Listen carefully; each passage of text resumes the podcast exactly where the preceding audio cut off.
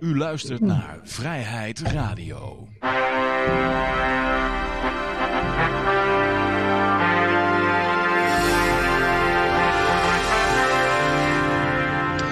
Ja, dames en heren, jongens en meisjes, dit is weer een nieuwe aflevering van Vrijheid Radio. Leuk dat u luistert. We zitten hier gezellig in Café Libertaria met op dit moment Peter en ik, Johan.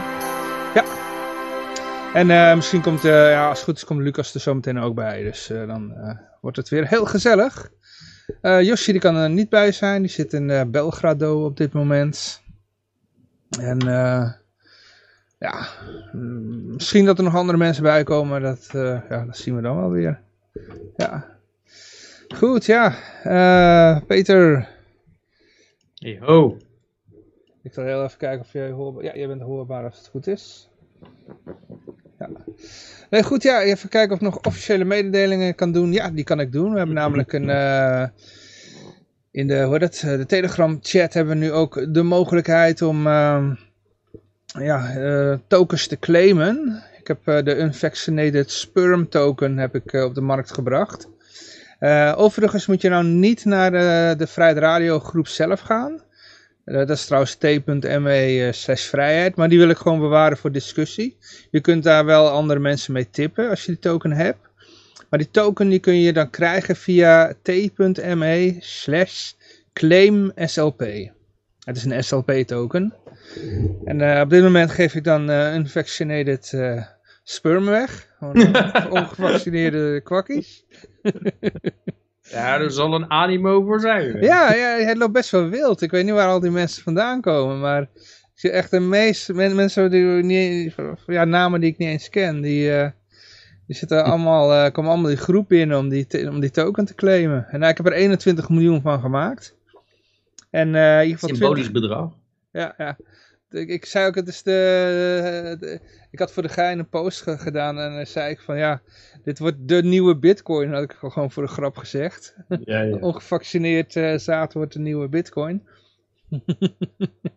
ja, heb je die, uh, die, ken je die What's Her Face? Die uh, op YouTube ook. Die heeft wel af en toe, ja, die heeft hele vaak humoristische, goed to the point speeches. Oké. Okay. Filmpjes. En die, die zei ook van, ja, de mannen die nog uh, ongevaccineerd uh, zijn, dat worden kumkous later. Dat ja, die worden, ja, worden helemaal leeg gemolken. Ja, ja, ja. ja, ik zag ook al uh, memes voorbij komen, of filmpjes. Dan zag je een heleboel bruiden die, die, die renden achter één man aan, weet je wel. Mm -hmm. allemaal vrouwen met die trouwjurken en bloemen. echt honderden. ja, nou ja, goed. Ja, ik had in ieder geval, dat was voor mij het idee om deze token op de markt te brengen. En uh, nou ja, goed, hij, hij loopt als een tierenlier, dus ja. Dus, dus kom je digitale cumshot halen? goed aan de markt te brengen. t.me slash claim SLP. Voor je, om je SLP-adres te bevlekken. Ja. Uh, goed, nou ja, dan gaan we even naar de, de standaard toe, uh, goud, zilver, bitcoins en de staatsschuldmeter. We beginnen even met de marijuana-index, die is alweer gezakt. Die staat nu op 120,81. Dat zal waarschijnlijk dollars zijn. dan hebben we nog de staatsschuldmeter, die is net onder de 376 miljard gedoken. Die staat op 376,999 miljard. Uh, Bitcoin die is ook gaan dalen. Die staat nou onder de 27.000 eurotjes. Hij staat nu op uh, ja, 26.500. Ja, er wordt heel veel gespeculeerd. Er zijn mensen zoals die, die zien hem alleen maar omhoog gaan. Terwijl, ja, anderen die, uh, analisten die zeggen, nou ja, die gaat echt naar de 20.000 toe. Dus dat gaan we zien. ja, dat zijn wel, uh, ik hoor dat de vier greed index, die stond daar voor een maximaal aantal dagen op extreem 4. Dat was nooit hmm. zo lang voorgekomen, ook in de beermarkt van 2018 niet. Hmm. Dan, meestal gaat het dan niet nog, nog heel ver naar beneden, maar ja, ik kan me voorstellen dat dat het toch nog wel omlaag gaat. Omdat er toch nog een heleboel Moonboys in zitten ook. Die zitten te wachten. De Wen Lambo uh, hebben ze twee Ja. Ethereum gekocht en dan eh Wen Lambo. Ja, eh, ja vanuit Elliott Wave eh, perspectief zou die eh, nog zijn vijfde wave af moeten maken, weet je wel. Dan krijg je een... eh, en- net dat laatste stukje moet hij nog doen, weet je wel. Ja, dat betekent wel dat hij naar beneden gaat. En als hij naar beneden gaat, dan gaat hij ook flink naar beneden. Dan zit hij op de 20.000 eh, dollar of 16.000 eurotjes. Ja, als die, als die eh, 28.000 weer eh, gebroken wordt, die vorige loon, die paniekloon. Ja. Het is, het is, als je naar de grafiek kijkt, ik ken er nooit zo heel veel van te zeggen, maar dan zie je steeds lagere highs.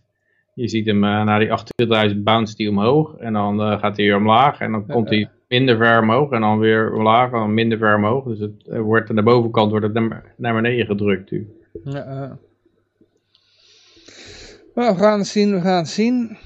Ehm, even kijken, ja, dan had je nog goud, olie, zilver eventueel. Ja, goud was alweer in het, in het nieuws, want de inflatiecijfers vielen toch wat hoger uit. En eh kwam er weer een beetje twijfel natuurlijk of het wel, eh, wat is het heet, eh, noemen ze dat ook weer, transitory was. Dus ja, het was van voorbijgaande aard. Daar zeiden ze altijd over die inflatie. Blijven ze maar roepen, maar dat roepen ze natuurlijk ook omdat ze die geldkraan uit kunnen zetten. Dus dan moet je dat wel geloven dat het van voorbijgaande aard is. Toen, maar het rare is dat je dus, wat je zag gebeuren, is dat de dollar omhoog ging, ondanks dat, die, dat de inflatie dus hoger uitviel. En ja, het idee daarachter is dan, ja, als de inflatie hoog is, dan gaat de Fed, die gaat de geldkraan dicht doen. Dus dan wordt de dollar schaarser. Dus anticiperend op een reactie van de Fed. Terwijl de, de Fed heeft eigenlijk gezegd van, we're not even thinking about thinking about raising rates. En, eh, en ze zouden niks zonder aankondiging, zouden ze de QE niet doen. Maar er was wel één voorbeeldje. In Nieuw-Zeeland hadden ze opeens wel de geldkraan een beetje dichtgedraaid. Want de inflatie begon daar ook uit de hand te lopen. Dus het kan natuurlijk gebeuren. Maar je zag goud even een duik nemen. Juist met hoge inflatiecijfers, wat natuurlijk heel raar is. Maar allemaal op anticipatie van, oké, nou komt de vet in actie. Eh, nou gaan ze het doen hoor. En ik snap niet dat, dat je dan nog steeds gelooft. Het is net zoiets als van two, week, two weeks to flatten the curve ongeveer. Dat, is, eh, eh, ja, als de inflatie komt gaan wij de rente verhogen. Ja. Dus eh, ja, je zag goud heel snel terugkomen eh, toen, na die daling. En daar staat hij weer 18 1829 dollar 70. Oké. Ja. Ja, en olie, eh, ik, ik weet niet of je al gehoord had, maar ze willen de, de, de, de olieprijs omhoog gooien hè, in Nederland met een paar euro. Benzineprijs. Ja, benzineprijs, sorry. Met een paar euro? Met een paar euro, ja. Caramba. Ja, het, is- het is nu nog een, een plannetje. Het is eh, zeg maar een ideetje om eh, mensen elektrisch te laten rijden, weet je wel. Dus dan gaan ze die, eh, willen ze, ja, hebben ze een plan, maar ze zijn nog aan het onderzoeken, zeggen ze. Maar ja, je weet hoe dat gaat, hè. Ja, dan gaat de economie toch wel heel zwaar onderuit, denk ik. Als ze, als ze dat gaan doen. Met, Ja. Als ze in één keer met een paar honderd procent de brandstofprijzen mogen doen. Dat zie je terug Ja, in alles. Dus dat wordt gewoon stevige armoede, ja. ja, ja. ja. En de olieprijs is al, is al vrij hoog natuurlijk. Of tenminste, is al aardig gestegen. Want hij was vorig jaar nog in de coronadiepte was hij eventjes negatief geweest. De BTI dan, dan tenminste. Maar nu is het weer, was het weer 75 dollar. Het is nou even gezakt naar 71 dollar 71. Omdat OPEC een beetje op losse schroeven staat. Zijn wat de dissenters. eh, eh, De eh, Ar- United Arab Emirates die willen het eh, ja, marktaandeel vergroten. Maar dan vraag je wel af van hoeveel olie hebben die eigenlijk. Ik dacht dat die zelf niet zoveel olie hadden eigenlijk. Maar. Oké. ja. Nou ja, goed, ja. Ehm, ik heb hier, eh, even kijken, een berichtje. Ons eerste bericht is een crypto berichtje. Tevens, ehm, nou niet, niet, niet ons enige. er komt daarna nog eentje. Eh, even kijken hoor. Eh, het stock-to-flow model. Wie kent hem niet? Niet, niet. Ja, het is een, eh, Nederlander, Plan B. ja, van Plan B. Dat is een, ehm ah, god, er zit iets in de weg. Ehm, even kijken hoor. ieder geval, de, de, zou, ja, het stock-to-flow model uh, is, is dat aan het ontsporen. Het zijn uh, ja, geluiden die daar die zeggen van hey, ik zal even kijken wat hier de, de titel is. Stock-to-flow, Bitcoin price model criticized as BTC price ratio matches the 2019 statistics. Nou ja, hoe vertalen we dit voor de leek? ja, misschien moet je eerst even zeggen wat het stock-to-flow model ja, beweerde. beginnen. Dat is natuurlijk altijd een probleem met modellen, of het nou klimaatmodellen zijn of uh, modellen van de beurskoersen of economie of zo. Het zijn maar modellen en meestal zijn ze te simpel. En zeker als er menselijk handelen bij komt kijken, dan kan je eigenlijk geen...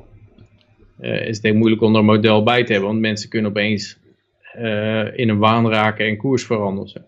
Maar dat stock-to-flow model is door een Nederlander bedacht. Die zit ergens bij een Nederlandse bank geloof ik, een Nederlandse institutie. En heel populair geworden. En hij zegt elk jaar, um, hij, hij, kijkt eigenlijk naar de, de flow. Dus de hoeveelheid die er elk jaar bij komt van iets. Vergeleken bij de stok. Vergeleken bij hoeveel er al van is. Dus de goudhoeveelheid bijvoorbeeld, die neemt dan elk jaar met een paar procent toe. Omdat er nieuw goud gedolven wordt. En de bitcoin hoeveelheid neemt ook toe met een bepaald percentage. En mm-hmm. uh, zo neemt, heeft alles een stock-to-flow. En daarvan, dat gebruikte hij om de prijs in te schatten. En wat hij vond toen was van, hey, datzelfde model kan je gebruiken om zowel de prijs van zilver als goud, als uh, ja, nog een paar dingen te uh, berekenen. En ook bitcoin. En dan zegt hij, ja, elke halvering, elke halving van elke vier jaar is er dus een, een, een supply halvering van hoeveelheid bitcoin. Ja. Uh, dan is er dus een flow verhalvering elke vier jaar. En dan moet die, moet die prijs omhoog volgens dat stock-to-flow model. En dat heeft hij een grafiekje van gemaakt. Dan zie je elke keer als er zo'n halving komt, dat een tijdje daarna gaat die prijs uh, een spurt nemen. Maar tot nu toe zat hij heel aardig, die 65.000 zat hij ietsje boven zelfs het stock-to-flow model. Maar nu is hij onderuit gegaan eigenlijk. Gehalveerd. En dan zit hij dus onder het stock-to-flow model. Dus dat zou niet helemaal, uh, niet helemaal kloppen. Nee. En, dat, uh, en ik heb dat eigenlijk nooit echt geloofd hoor. Want het is natuurlijk niet alleen de, de schaarste die iets een waarde geeft. Je, je kan wel zeggen, ja, plutonium, wat is de stock-to-flow? Nou, dan bepaalt dat de waarde. Maar ja, hoe waarde, waar kan je plutonium voor gebruiken of, of strontium of zo. Sommige dingen, die elementen, er wordt helemaal niks van gemaakt. Gewoon omdat niemand er interesse in heeft. Uh, dus dan heb je een, een, een, een flow van nul. Zo zou je zeggen, nou, dat moet een enorm hoge prijs hebben. Maar ja, als je niks aan hebt, dan, dan uh, heb je, heb je, ja, heeft het ook geen prijs of geen waarde eigenlijk. Okay, nee.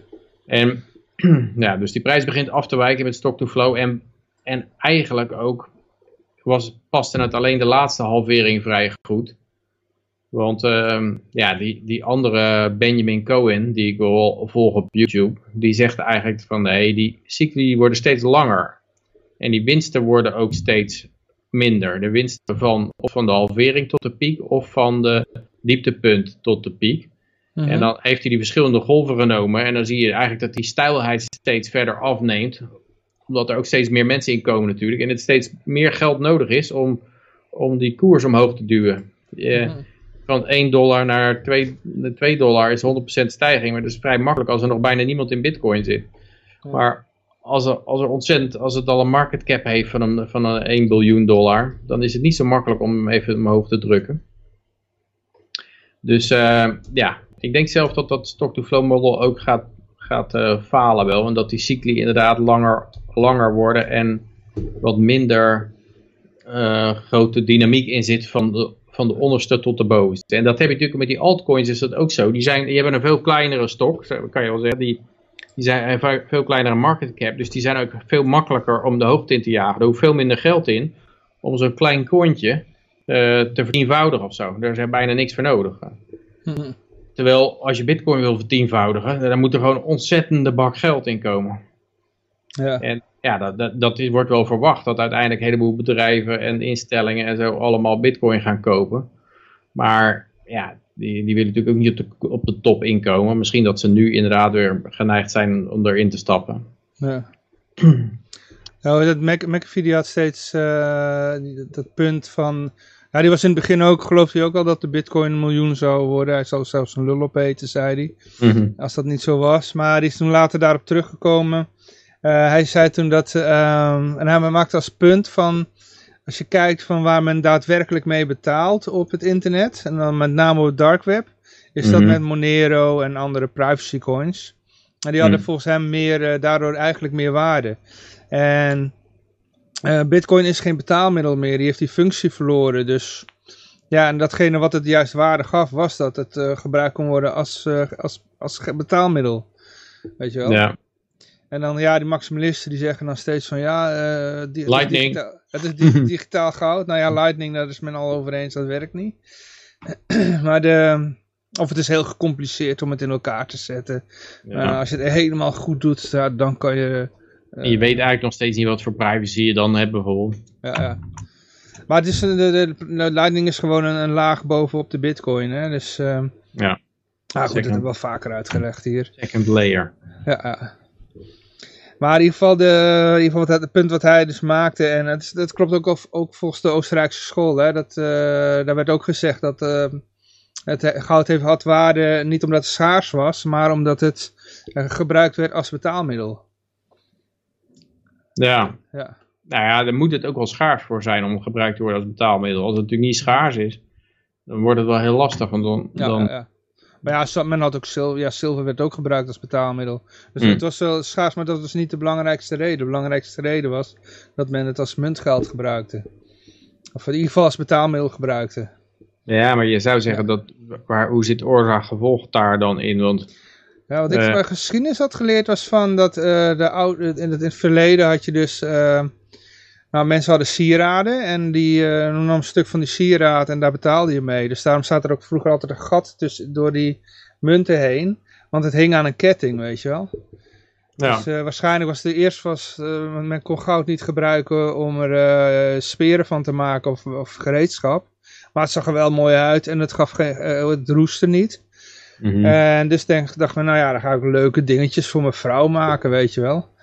En op een gegeven moment wilde ze iemand een koe kopen en eh, ja, die had niks om mee te betalen. dacht, wacht even, mevrouw, die heeft mooie sieraden hier, Roos. Ik, ja, nou, prima, zegt die boer, eh, je koopt een koe, maar eh, nou ja, zo is het een betaalmiddel geworden. ja ik, denk, ik denk dat ook de functie als, voor als juweel, dat dat gewoon een soort, ik geef mijn vrouw wat waardevols, dat in de vorm van een juweel. Maar als ik dan het loodje leg, dan kan ze nog even fruit eh, op dat geld. Het is een soort pensioenvoorziening, denk ik. En dat zie je ook in India zo gebruikt worden. Dat uh, bruidschat en zo, dus een hoop goud. En eh, ja, dat voor noodgevallen kan je daar opteren. Dus, eh, ja, ik, het lijkt me toch dat, dat het eerst een bepaalde paar eigenschappen moet hebben. Want als, het, als je modder hebt als geld, dan kun je zeggen, ja, al- als het maar gebruikt wordt als betaalmiddel, dan krijgt het waarde. Maar ja, eh, modder kan je zoveel van bijmaken dat het nooit waardevol gaat worden. Dat het zo makkelijk te produceren is. Dus het moet wel, wel zijn. En het Oh, moet denk ik er ook- komt iemand bij. Oh jee, die wil alles knipperen inderdaad. Wacht maar verder. Het moet ook niet bederven bijvoorbeeld. Dus je kan zeggen, ja, graan en zo, dat is, dat is, wel, eh, eh, ja, dat is wel waardevol altijd. Maar dat bederft te snel, het moet, moet duurzaam zijn, het moet ook makkelijk deelbaar zijn. Dus je hebt een aantal van die eigenschappen die denk ik toch wel belangrijk zijn. Om, Ja. een, eh, om, om als geld te dienen. Mhm. Maar ik denk, ik vind het ook een zwak punt hoor. Want, want Bitcoin gaat veel te veel op die exchanges hangen. Dat lijkt me het. Ze zeggen wel, ja, wij zijn decentraal, want we hebben zoveel full, full nodes draaien en miners en security of de netwerken en echt decentraal. En als je blockchain te groot is, ja, dan ben je niet decentraal meer. Maar als je afhankelijk bent van, van wereldwijd 10 exchanges of zo, die allemaal zwaar onder regulering staat, dan, dan ben je ook niet meer decentraal. Toch? Dan, eh, en zeker die lui die om regulering smeken, omdat ze denken dat de, dat de instituten er dan in komen om de prijzen omhoog te jagen. Ik denk dat als je gereguleerd wordt, dan ben je helemaal de sjaak natuurlijk. Dan ben je, heb je een super central point of failure. Dan, eh, dat, is, dat is niet decentraal meer als je gereguleerd wordt. Ja. Want het eerste wat gekocht wordt, is de regulator altijd. Dus, eh, en dat, dat vind ik ook aan Cardano een beetje een minpunt. Dat die, eh, ja, die, zeggen, die zeggen altijd van, nou ja, regulering dit, regulering dat.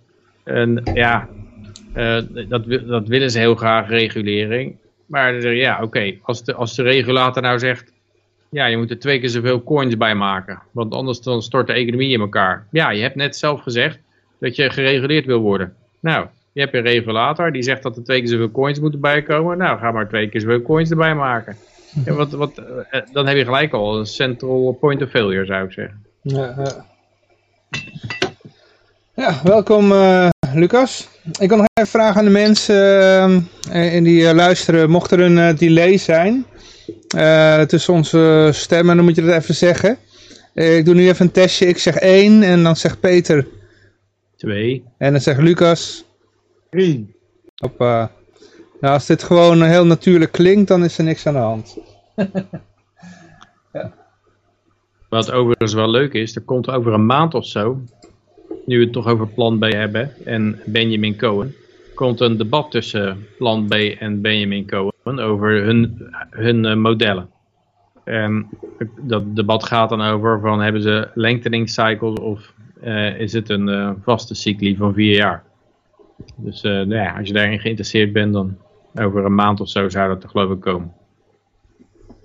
Oké, ik, ik zie een bericht in de chat. Even kijken hoor. Eh, even kijken hoor. Je moet wel ger, eh, geruleren, anders komen de uitbuiters. Oh, je moet wel reguleren, oké. Anders komen de uitbuiters. Oh, dat mag je even uitleggen, JP. Je moet wel geruleren. Geruleren. Ja, ik denk dat hij dat een beetje cynisch bedoelt. eh, Ja, ja, ja.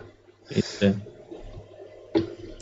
Nou, goed. Ja, nee, eh, welkom. de, de, eh, de uitbuiters zijn reguleer, reguleerders natuurlijk. Ja, ja, ja. Eigenlijk haal je de uitbuiters erbij en dan ja, heb je een zwak punt in. Ja. En in ieder geval welkom eh, Lucas. En ja, we gaan even kijken hoor. We, gaan, ja, we hadden dit berichtje gehad over Stock to Flow model. En dan gaan we even naar het volgende nieuwsberichtje toe. Eh, de, ja, het andere crypto berichtje. De digitale euro die komt eraan. Ja, maar niet eh, meteen hoor. Eh, niet. ze nemen er tijd voor. Dat moet allemaal nog onderzocht worden. Ja, het is zo belachelijk die ECB. Ze, ze proberen een beetje op die crypto mee te, hype mee te zeulen. Van ja, wij hebben ook een digitale munt hier.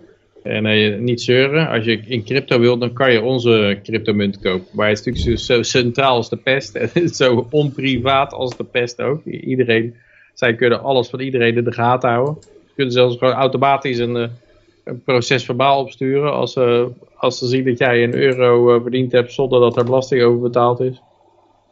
Dus eh, ja. Eh, ja, er zijn zorgen over privacy. En de kosten. Eh, de kosten, dat bij de ECB zorgen maken over de kosten van wat dan ook, dat, eh, daar geloof ik niet in. Ja. Maar ik denk dat ze het wel willen doen inderdaad, want eh, ja, ze, ze vinden het natuurlijk heerlijk om een enorme controlemaatschappij te hebben. Van, eh, ja, wat, heb je geen vaccin? Hup, gaat je, gaat je rekening uit. Ja. Want dat soort dingen hebben ze al natuurlijk. Hè. Dat, ze daar zijn er ook trots op. Dat eh, ja, als je mensen al hun alternatieven afslijt, zeg maar, dan nemen ze het vaccin bijvoorbeeld. En dat was ook met Obamacare zo. Die waren er dan trots op van nou we hebben zoveel aanmeldingen voor Obamacare. Ja, omdat je een boete krijgt als je het niet neemt. Maar hoe je daar nou trots op kan zijn, dat is eigenlijk verbazingwekkend. Hè? Mhm. Eigenlijk zet je mensen het mes op de keel en dan gehoorzamen. Dan zeg je, nou, dat is net zoiets als... Je zet het mes op de keel en dan ga je eh, een vrouw verkrachten. En dan zeg je, nou, ik, ben ontzettend, eh, ik lig ontzettend goed in de datingmarkt. Dan denk ik, ja, eh, nee dus. Het is gewoon onzin. Ja, dit soort dingen zullen ze ook wel door de strot duwen. Net zoals al die andere dingen. Ja, JP zegt nog, eh, die zegt ja, de euro is, is eigenlijk al een crypto. De ECB die mindt erop los. ja. Ja. Dat zal niet veel anders zijn als het dan als de euro opeens een cryptomunt is geworden. Of dat er een, een crypto variant van de euro is. Dat, dat, die, de, zo'n vos verliest niet eh, haar streken wat dat betreft. Mhm. Nee, maar ze kunnen er ook streken aan toevoegen. Hè? Want ze kunnen er bijvoorbeeld geld maken dat je de, de- deze, deze euro's, digitale euro's, kan je niet aan alcohol uitgeven. Of deze digitale euro's, die kan je alleen maar aan broccoli uitgeven. En in het begin zullen mensen zeggen, oh dat is heel goed. eh, want dan, eh, je wil niet dat eh, mensen een uitkering krijgen en het dan vervolgens allemaal wegdrinken of roken of zo. Dus nee, mijn, mijn zegen heb je, zeg maar. En voor je het weet, krijg je, krijg je met deze euro's kun je geen benzine meer kopen. Want ja, dat is ook heel hartstikke fout natuurlijk. eh. Zeg maar. Dan, ja, je weet natuurlijk dat er enorm gelobbyd gaat worden dan bij de ECB over waar de krachtigste euro's, digitale euro's dan voor zijn. Net zoiets als in Amerika hebben ze die food, stamps, eh, food stamps. En dan wil iedereen natuurlijk in die food stamps zitten. Dus dan eh, ja, kan je dan met food stamps bijvoorbeeld wel eh, een, eh, snicker kopen of zo. Ja, gaat de, gaat de snickerbedrijf gaat natuurlijk lobbyen dat dat er ook bij komt. Eh, Dat je, de, mensen ook af en toe een snicker kunnen kopen van hun eh food stamps. En dat breidt zich steeds verder uit. En ik denk dat dat met het digitale geld ook gaat gebeuren. Dat je allemaal lobbygroepen krijgt die, eh, die, gaan, die gaan proberen te voorkomen dat jij allerlei dingen kan doen. Zoals roken, drinken, reizen. nou, allemaal leuke dingen Oh. zeg maar. Iets met geluid. Oh, wacht even hoor. Eh zeg eens wat, Peter. Ja, ik zei de hele tijd al wat. Ja, nee, ja, jouw geluid doet het wel, volgens mij. Maar eh, ja, even kijken hoor. Het geluid is voor mij wel goed. Oh, oké. Oh, dan zal die waarschijnlijk een... eh Een ja, Flabbergast zal waarschijnlijk een, een deal... Een, eh, Ja, hij had... oh ja, het- lag aan hem. Oké. Ga de verder, Peter. nog op Sorry voor de onderbreking. staan. Wat zeg je? Nou, ja, dat, dat zo'n, als je zo'n machtscentrum hebt van eh, een instituut die bepaalt waar je een euro aan uit kan geven voor de volle waarde en waar je het uit kan geven voor de halve waarde en een kwart waarde en, en een achtste waarde. Zo'n instituut wordt natuurlijk enorm belobbyd door de industrie. Dus die worden helemaal volgestopt met douceurtjes en, en eh, dingetjes. Van, eh, ja, dan gaat die weer lobbyen van ja, de, net zoals wat moet er in het basispakket, zeg maar. Moeten brillen in het basispakket of niet? Alle opticiens die gaan dan proberen om de brillen in het basispakket te krijgen. En dat krijg je dan natuurlijk ook van de, bij die, bij die ECB-jongens wordt er ook natuurlijk gelobbyd van ehm, wat ja, krijg je, krijg je een uitgavefactor van 1, van eh, 0,8, van 0,6. eh, en, en ja, daar gaat natuurlijk allerlei smeergeld bij gepaard. En dat, daar is precies om te doen. Ja. En uiteindelijk kan je het waarschijnlijk gewoon helemaal nergens meer aan uitgeven. Ja.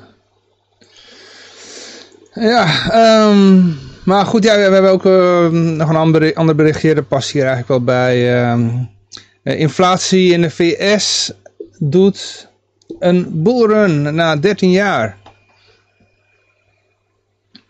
Ja, en dan zitten ze gelijk bij, inflation has likely peaked. Dus eh, ja, dit, dit was het waarschijnlijk wel.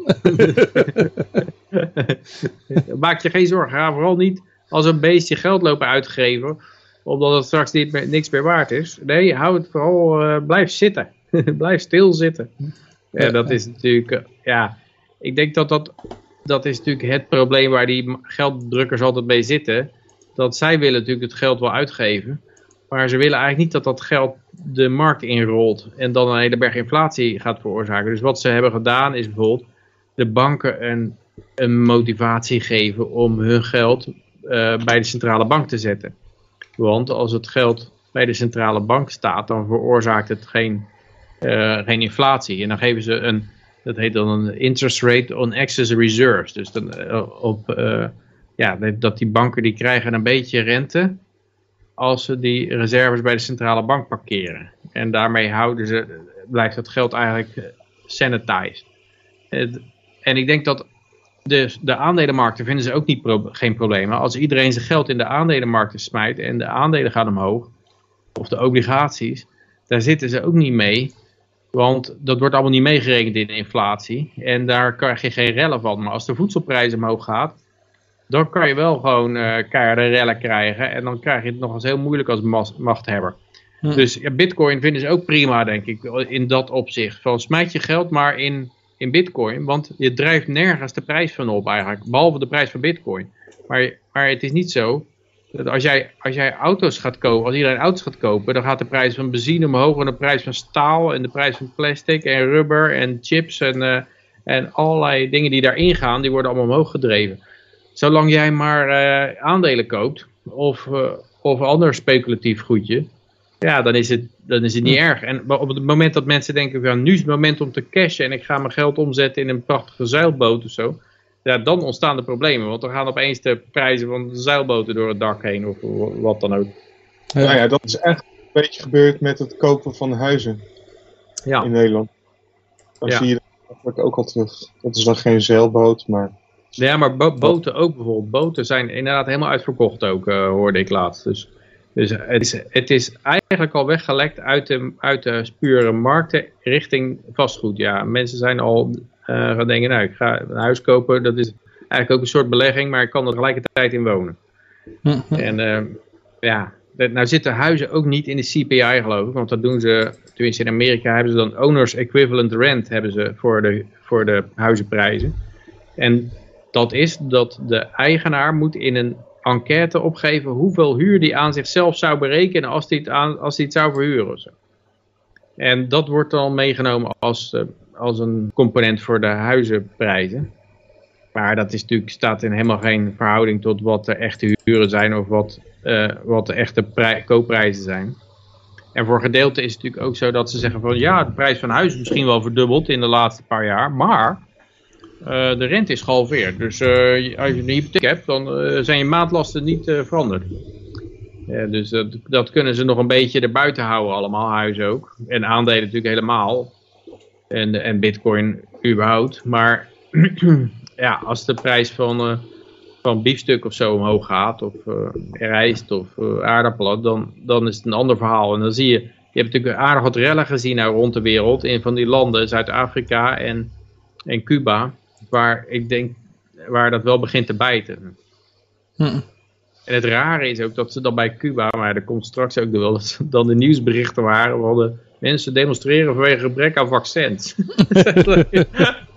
Ja, dat is een reden om te rellen. Als ze dat- heutje met je met elkaar op straat gaan. Wij willen vaccins, dan voelen we ons niet veilig. Ja, je had ook kunnen zeggen, mensen rellen in Cuba om, gebre- om eh, gebrek aan bitcoin of zo. Dus, dat, dat, als, eh, zolang maar niet leeglopen. Als mensen daarop gaan anticiperen, dan gaat de prijs natuurlijk nog harder omhoog. Ja. En, eh, ja, je zou zeggen, het kan toch haast niet anders dan omhoog gaan als ze de veestapel willen halveren in Nederland. En ze willen al de voedselproductie de nek omdraaien. Ja, dan zou je toch wel verwachten dat, het, eh, dat de prijzen aardig omhoog gaan. Ook van voedsel. Ja. Trouwens in de chat werd nog, nog gezegd, ehm, volgens de Biden was de barbecue eh 16 dollar cent Ja, ja, goedkoper. ja, ehm. voor, voor, voor een hele familie van vier of zo. Dat was 4 cent per persoon was het al. En dan alleen al naar de, naar de supermarkt rijden kost je al veel meer geld aan benzine. Die, eh, Eh, eh. Ja, daar werd hij ook wel voor, voor belachelijk gemaakt.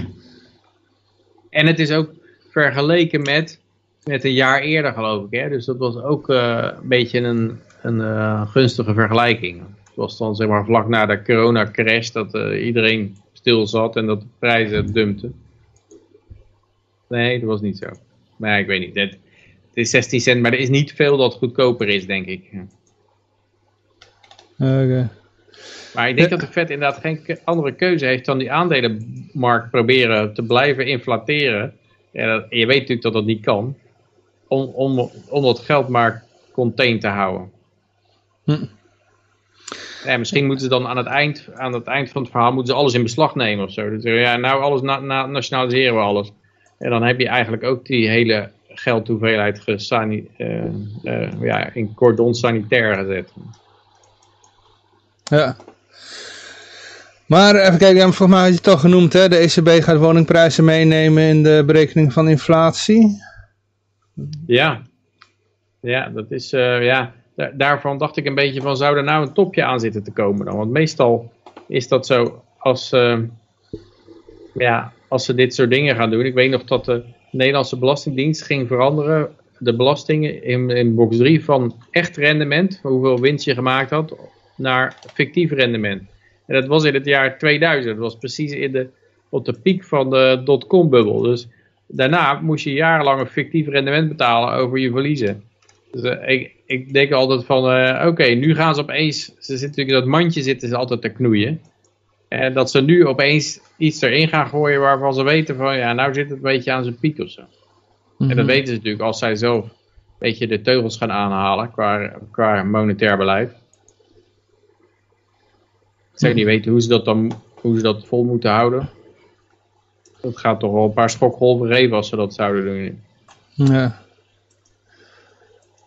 Maar het is veel makkelijker om te zeggen van nou we gaan ons inflatiedoel een beetje bijstellen. Wat ze ook nou, in Amerika doen. Dan zeiden ze eerst van ja het moet onder de 2% zijn. Toen zeiden ze nou het moet 2% zijn. Toen zeiden ze nou het moet gemiddeld 2% zijn over een wat langere periode. Dus het is nou veel lager geweest de lange tijd. Dus het mag nou best even wat hoger zijn. Zo, zo zitten ze eigenlijk te, te lullen naar wat het toch is. En, en waarschijnlijk is het nog veel hoger.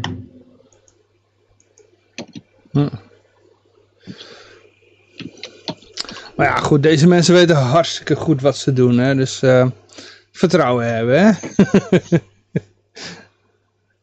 What could, what could possibly go wrong? Ja, het is, eh, dat is ook zo raar. Zowel de Fed als de ECB gaan ook klimaatverandering nou oplossen. Dus de centrale bank heeft een geldpers en die kan de rente, kan de rentestand manipuleren. En ze gaan klimaatverandering tegengaan. Oké. Dat is iets als, eh, nou ja, dit is eh, te belachelijk voor woorden eigenlijk. En het is natuurlijk zo dat eigenlijk wordt door hoge inflatie wordt, je, wordt enorm consumptie aangewakkerd. Hè? Dus als jij heel veel gaat, geld gaat drukken, dan gaan mensen snel, zo snel mogelijk hun geld uitgeven in plaats van het sparen. En dat betekent dat, dat, eh, dat, dat je een consumptiemaatschappij creëert. En in, in Amerika zie je dat ook duidelijk, dat 80% van de economie is consumptie. Er wordt alleen maar geconsumeerd en geïmporteerd. En consumptiemaatschappij is eigenlijk een hele grote verspillingsmaatschappij. Dus eigenlijk, die inflatie, die, die lokt gewoon verspilling in de hand. Mensen gaan in een te grote huis wonen door inflatie. Mensen die gaan, eh, gaan een boot kopen die ze niet nodig hebben. Ze gaan allerlei, allerlei shit kopen die ze eigenlijk normaal niet zouden kopen. Maar gewoon omdat, omdat het geld minder waard wordt, betekent dat als jij maximaal leverage en je koopt een heleboel dingen op schuld. En dat geld wordt minder waard, dan krijg je die, die dingen eigenlijk op kosten van de mensen die, die, eh, ja, die, die hun spaargeld minder waard wordt. Dus ja, eigenlijk is, is de ECB een enorme milieuvernietiger.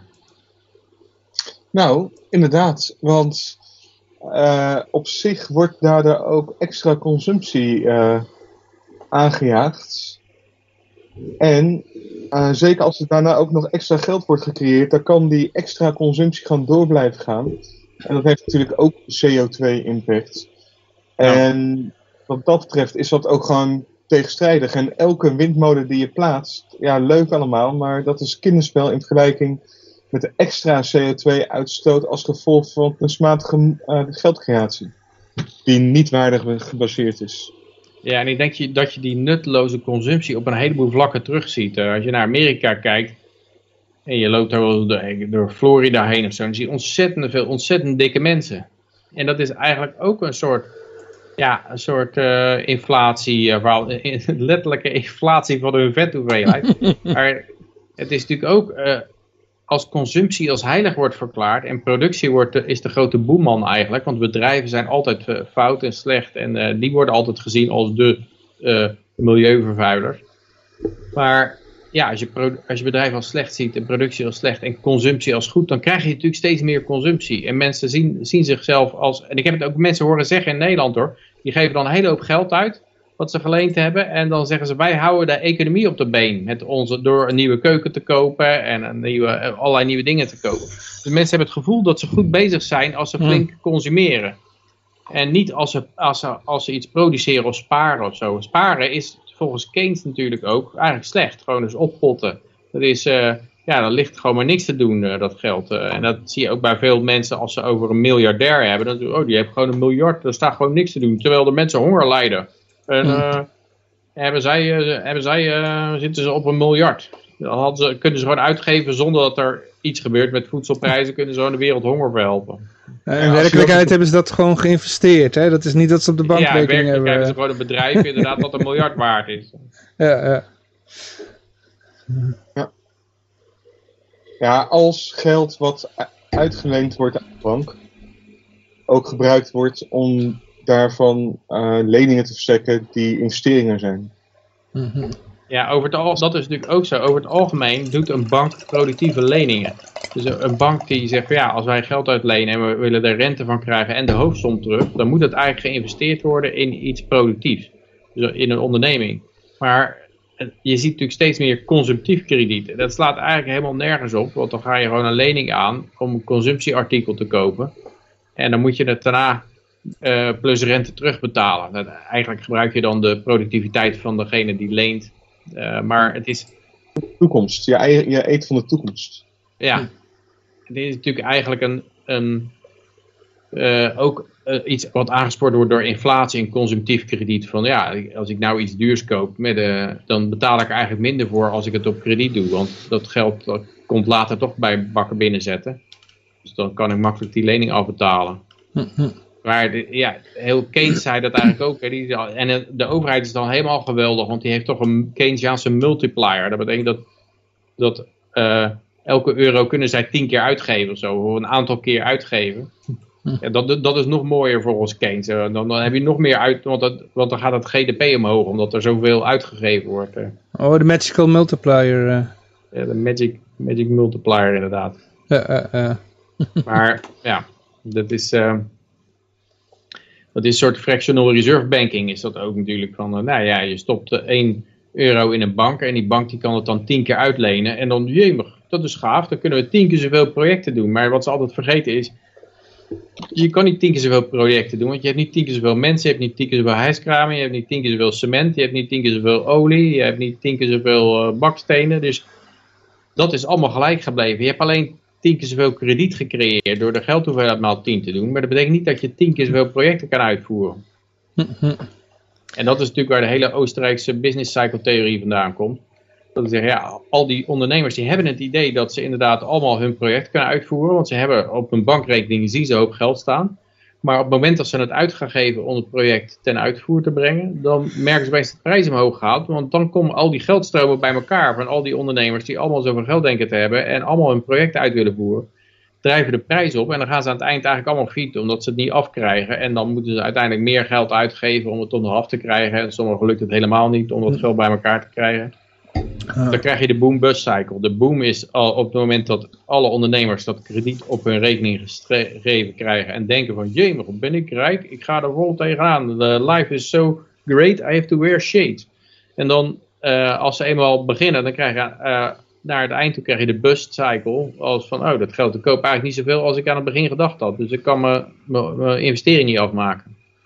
Plus dat aan het einde van die investering, kijk wat, wat normaal gebeurt, heb ik geloof ik al eens een keer uitgelegd, maar normaal kwam dat geld van spaarders af. Dus die spaarders die, die gaan minder consumeren, dus die gebruiken uiteindelijk minder cement, olie, zand, hijskranen, bla bla bla.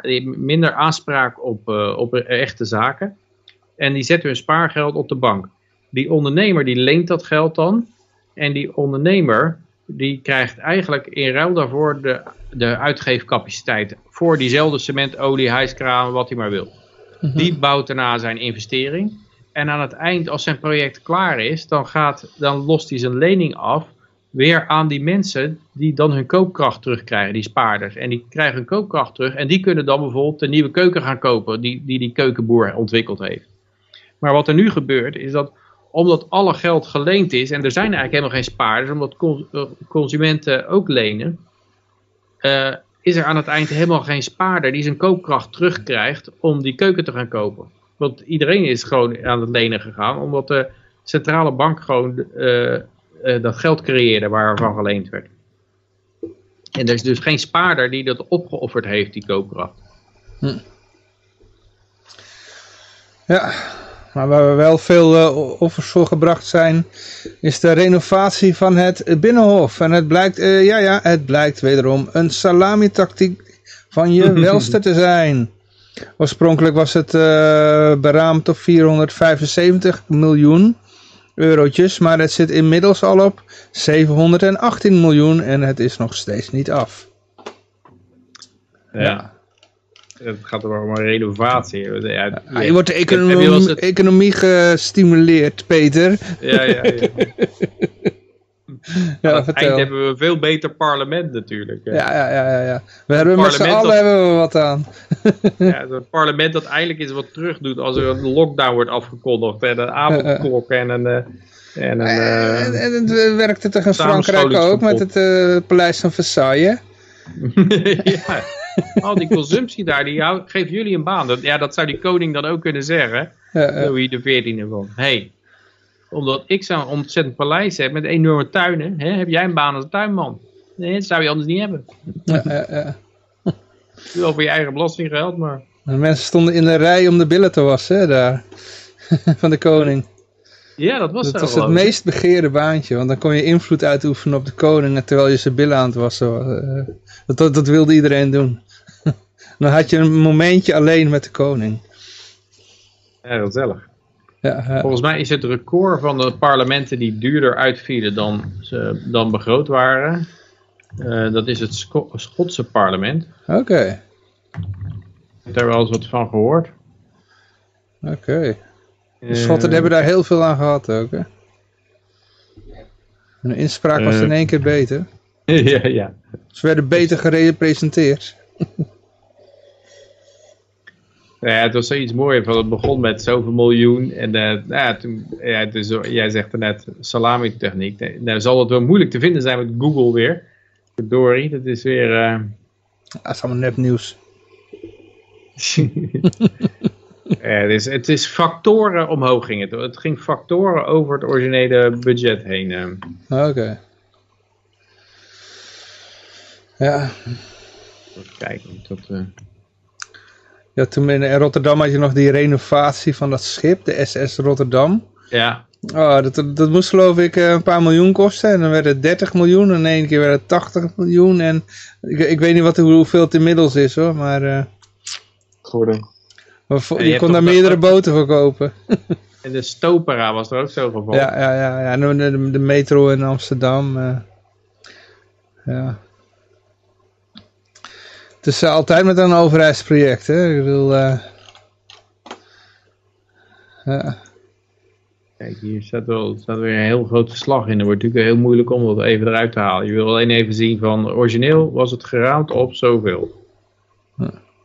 Ja. En eh, uiteindelijk, ik geloof dat hier zie ik iets van 24, tussen de 24 en 34 miljoen pond. Ja, wat maar hebben jullie gewoon een Wikipedia pagina van uh, Scottish we. Parliament eh, wiki. Ja, ik dat... eh, Nou, ondertussen kan ik, eh, ga ik verder met het volgende bericht. Eh, wat ook de economie gestimuleerd is, eh, heeft, is natuurlijk die enorme stortbuien in Limburg eh, afgelopen nacht, ochtend. Hoezo heeft dat het gestimuleerd? Of is Nou, dat alleen maar Kenny? Vanuit Keynesianisme gezien, hè? Maar ja, Ah, dat nee, is dat- eigenlijk net zoiets inderdaad. Hè? Dat hele Keynesiaanse idee van oorlog is eh, goed. Dat, eh, omdat er zoveel vernietigd wordt. En dan moet er veel meer, ge- meer geconsumeerd worden eigenlijk. Want er moet veel meer gebouwd worden en gerepareerd en gedaan. Dus dan, eh, en, en terwijl je dan aan het eind daarvan ben je alleen maar terug waar je was. Ja, ja. Ik geloof dat het, eh, wat ik net zei, tussen 24 en 30 miljoen werd het geraamd. En uiteindelijk kostte het 414 miljoen. Oké. Dus dat is dus eh, zeg maar meer dan een factor 10 eroverheen. Iets van een factor 15 of zo eroverheen. Mhm. Ja. Het zijn behoorlijke overruns, zeg maar. Mhm.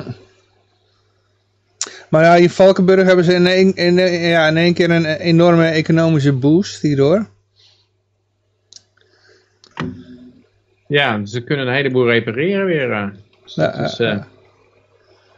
Hotels moeten dan wel eventjes dicht, maar hé, hey, eh, je doet het wel voor wat. Voor ja, iets, wat hè? ik wel leuk vond aan dit verhaal is dat eh, er wordt de titel van die, van die Limburgse stortbuien is Stortbuien Limburg passen in een patroon. Zomaar neerslag vaker in één klap. En dan komt er weer klimaatverandering om de, om de hoek kijken.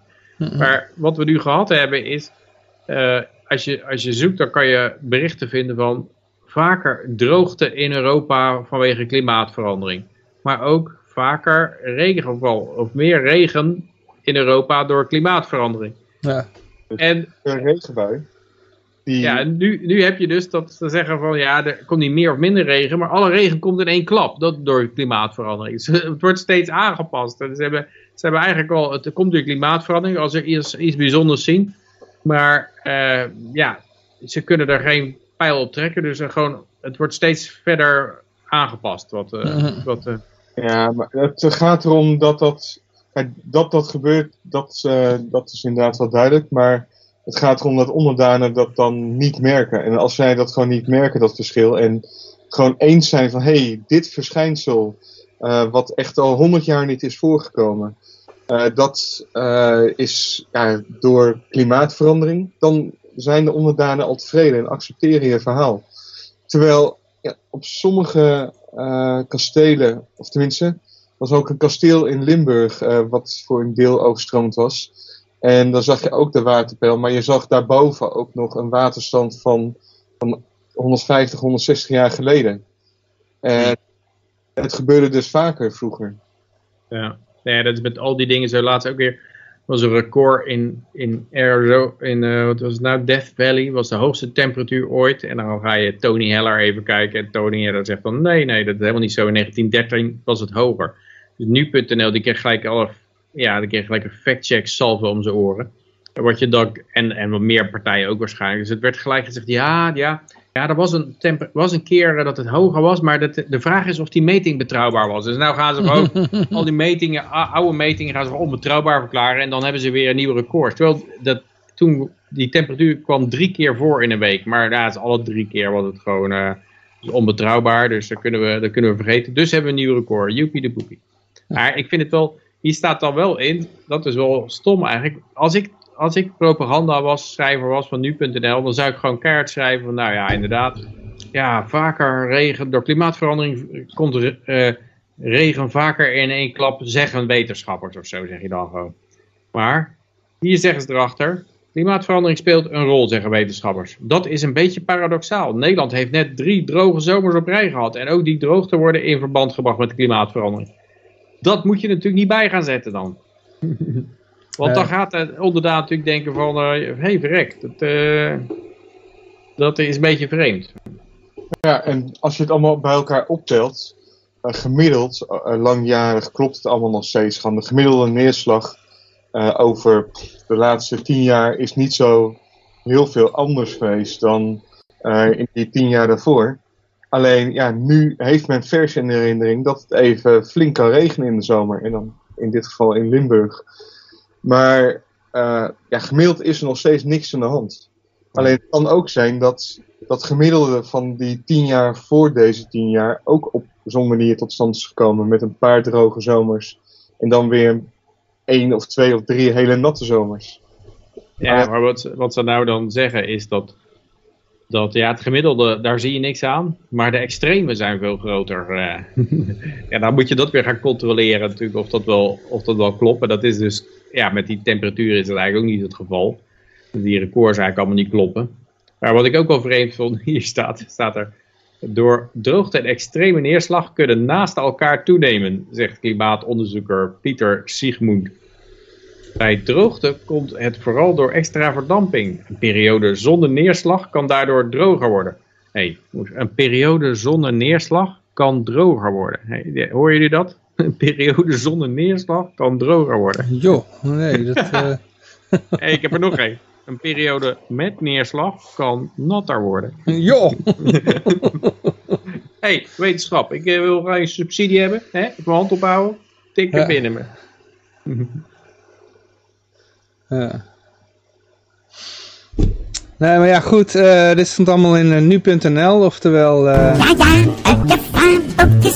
Ja, zeker. Wat, wat je heel vaak ziet, dat, dat ze met een enorm verhaal komen. Net zoals we hebben toen ooit wel eens behandeld van...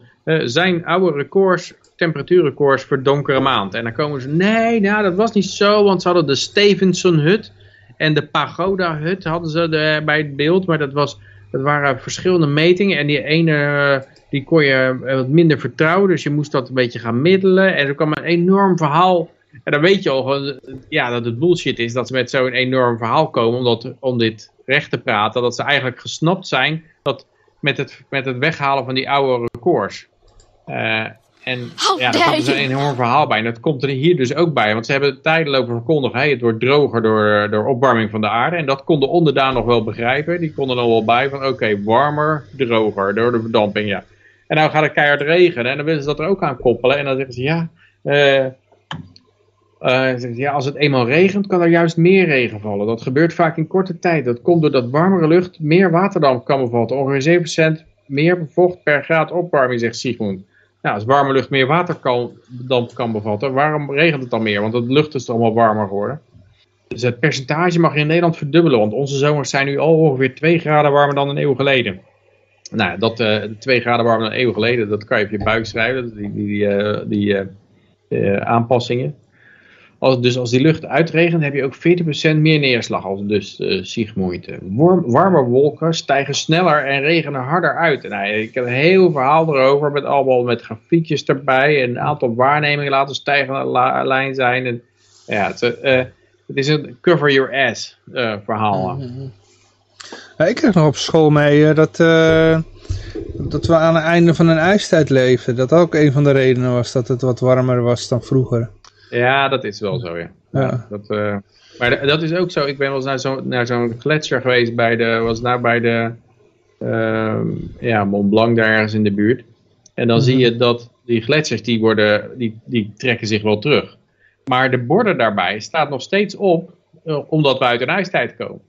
Die borden hebben ze niet veranderd. Hm. Eh, terwijl je zou zeggen, hup, gelijk weghalen en eh, dit komt door global warming. Dat, eh, en Ja. jullie zijn er schuldig aan. Breng ze nou niet op een idee. ja. Maar dat is waar. In Europa is het nog steeds een, het einde van de ijstijd. En dat zie je bijvoorbeeld ook, we zeggen dat de zeespiegel stijgt. Maar in de Finse golf daalt de zeespiegel. En dat komt omdat het land nog steeds opveert daar. De bodem onder die Finse golf, die neemt, die gaat omhoog. Omdat die, die gletsjers er niet meer op drukken, die er voorheen wel op drukten. Mhm. Dus inderdaad, in Europa heb je dat nog steeds, eh, dat effect. ja. Ja, maar eh, ja goed, ja, dit eh, past dan natuurlijk allemaal in het plaatje en daar hoort het volgende bericht ook bij. Zo slecht is koken op gas. Kinderen lopen meer risico op lucht wegen aandoeningen als je op gas kookt. Ja, goed, daarom heb ik een ventilatieding boven het fornuis staan. Dat blaast de lucht naar buiten, klaar. Oké. Ja, maar, Ja, hoe, maar- erg, heb, je- hoe erg krijg je er last van? Ik bedoel, ik heb altijd op gas gekookt. Ik heb nog nooit iets aan mijn luchtwegen gehad. En je hebt gerookt. Maar wel aangebrand Ja, eten. vroeger, ja. Wat? Wel aangebrand eten. Nee, dat hangt vanaf. Als je het goed roert in de pan, heb je daar geen last van. Ja, maar dat ga ik even werken boven. Ja, maar goed, het is eh, In allemaal weer acht veer... minuten. eh, hè? zei, eh, een stukje uit het artikel. In acht minuten wat zilvervliesrijst koken en een paar minuten wat groente wokken. Deze snelle en gezonde hap is minder gezond dan het klinkt, waarschuwt Piet Jacobs, fijnspecialist bij de TNO. Bij het bakken en braden komt fijnstof vrij. Zonder een adequate afzuigkap zorgt het voor hogere fijnstofconcentratie dan alle auto's die voorbij rijden. Ik ben bang dat koken mogelijk schadelijk voor de gezondheid is. Hé, hey, ik heb er nog eentje. Niet eten, dat is nog schadelijker voor de gezondheid.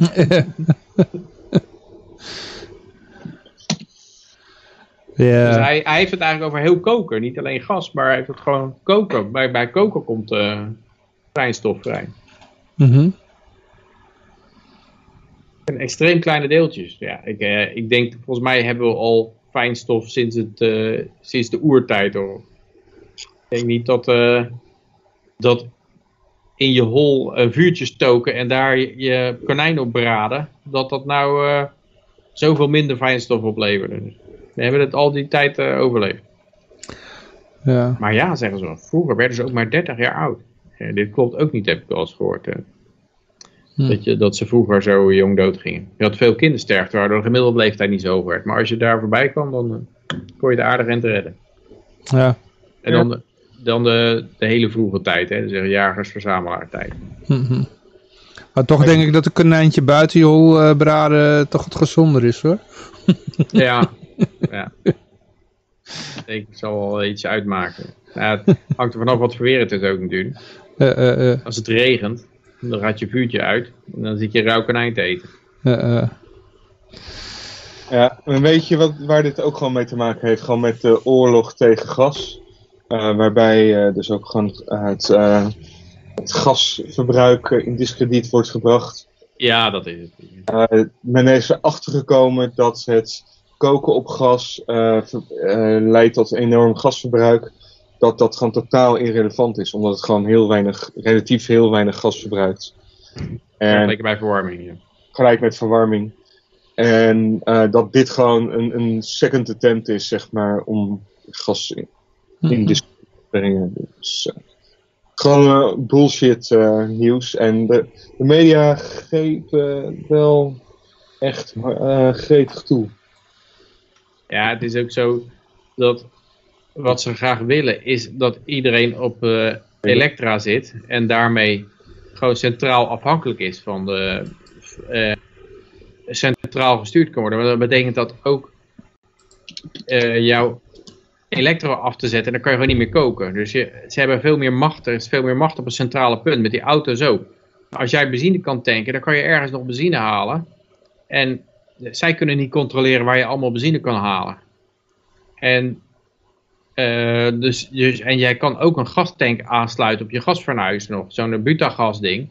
Dan kan je gewoon nog koken. En in, ik weet nog, vroeger gingen we naar Frankrijk toe. Dan moest je gewoon elke maand of zo. Dan kwam er zo'n zo'n gastank. Had je zo'n zo'n vrachtwagentje. kwam een gastank. Die, die, die gooide je onder het fornuis. En dan eh, sloot je hem aan. En dan kon je weer eh, een maand op koken.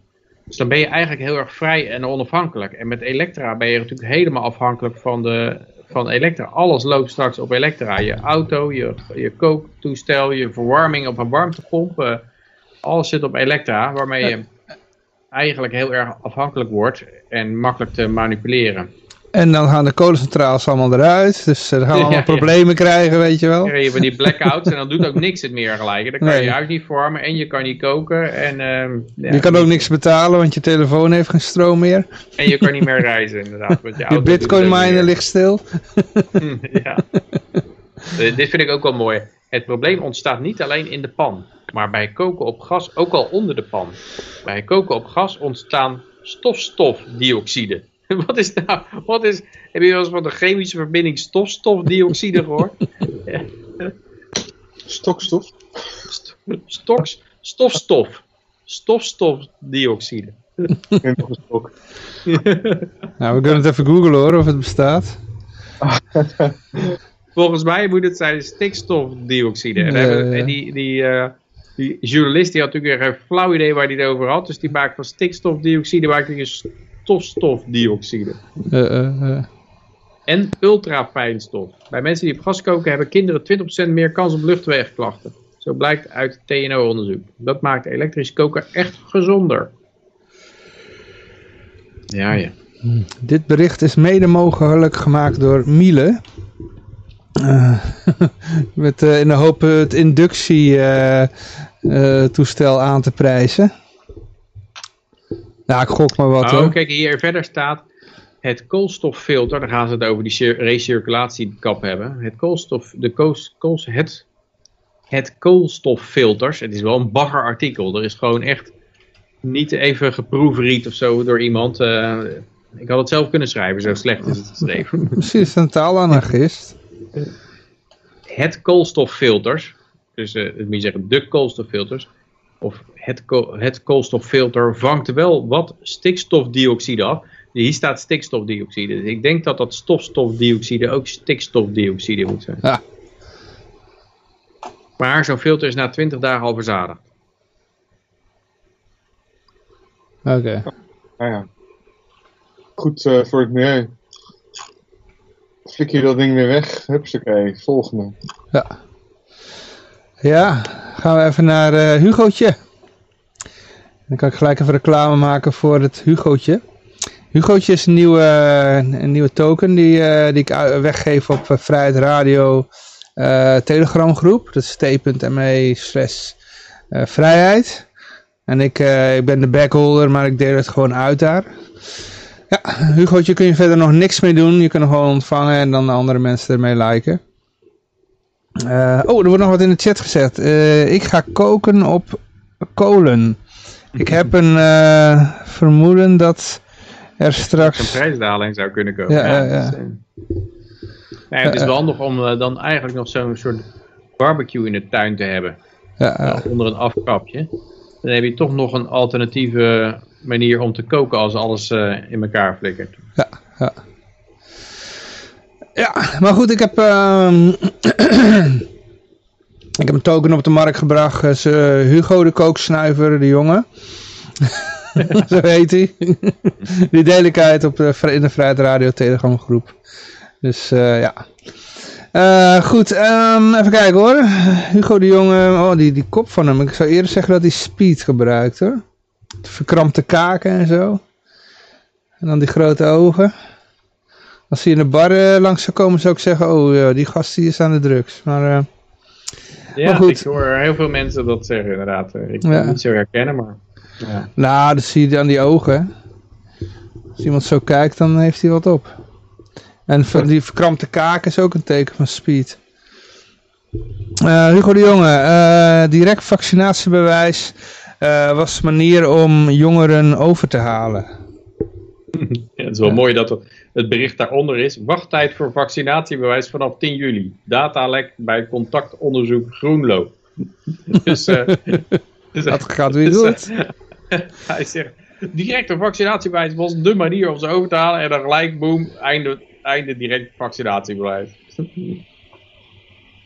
ja, het is, eh, het is eh, een beetje triest weer. Die, eh, die, eh, hij, dit, dit, doet denken aan wat ik er net zei over Obama. Van, eh, hey, je krijgt, een, eh, je krijgt een boete als je mijn verzekering niet koopt. En eh, we gaan meten. En kijk, het heeft geholpen. Het boete geven was de manier om mensen over te halen een verzekering te kopen.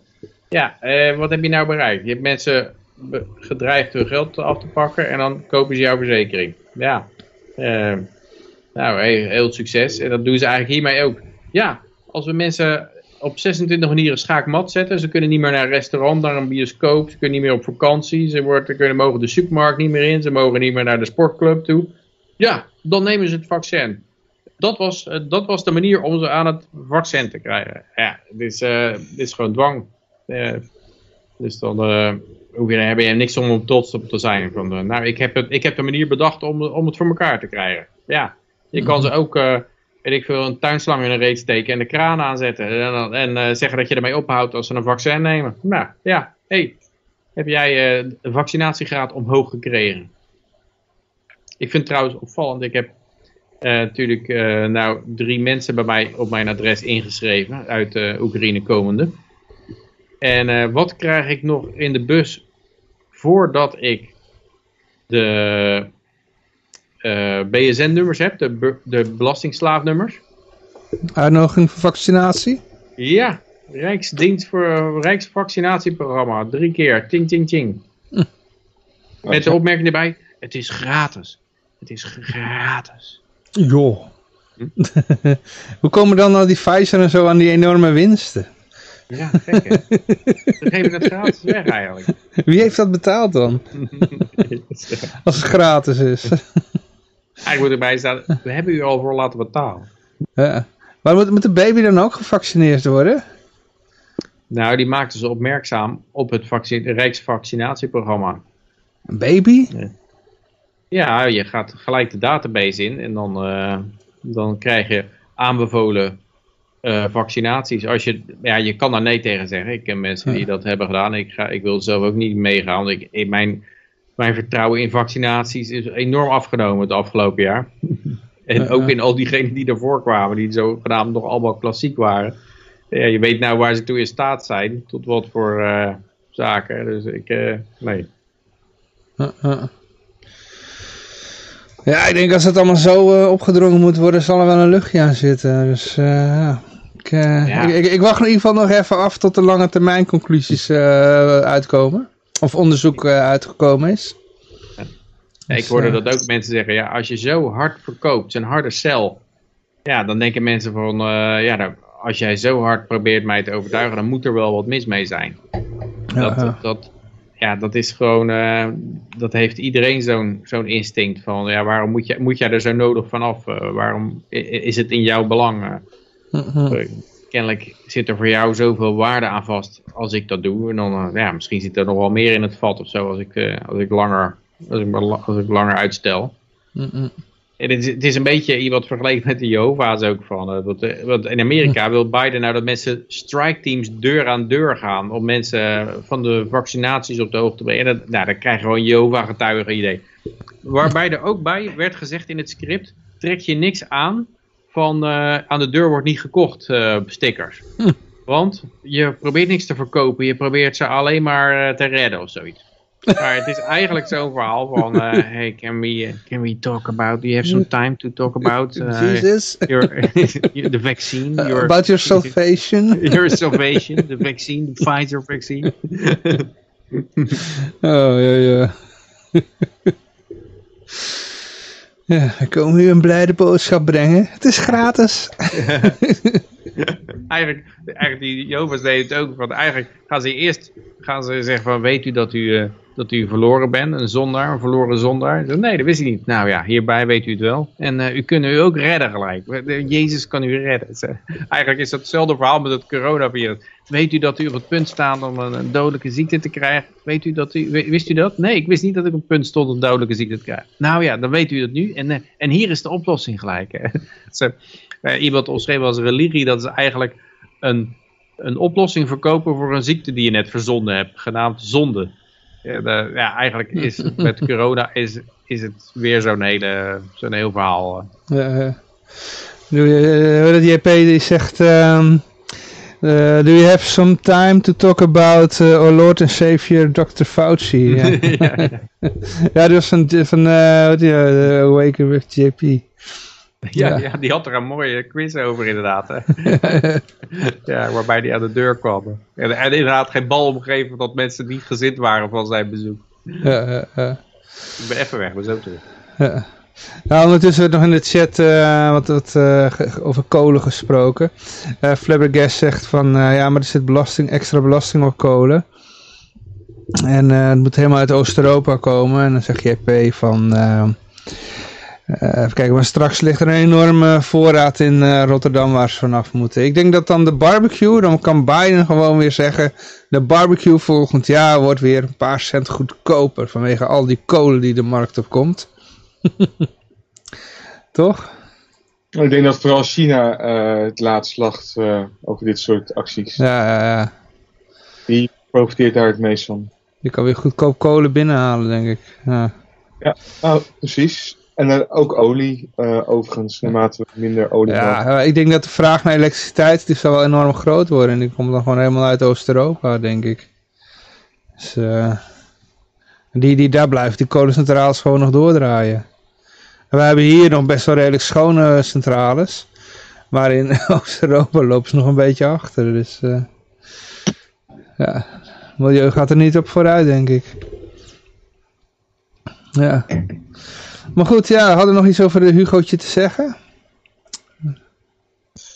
Ik vind het niet zo'n beste wijn eigenlijk. Oh, Hugo, jij die wijn. ik vind dat een ranzig spul, joh. Ken je dat, eh, Hugo? Die, eh, dat is zo'n... eh, Ja, je mag het eigenlijk geen wijn meer noemen, hoor. Het is, het is zo'n ranzig spul. Voor wijn is het. ja, ja, het is nog ranziger dan alcoholvrije wijn. Nou, ik heb afgelopen oud en nieuw alcoholvrije Hugo wijn gehad. Oh, yeah. oh dat is dubbel Ja. erg. Heel veel bier was het best wel lekker. Oké, ja, ja, naar bier misschien, ja.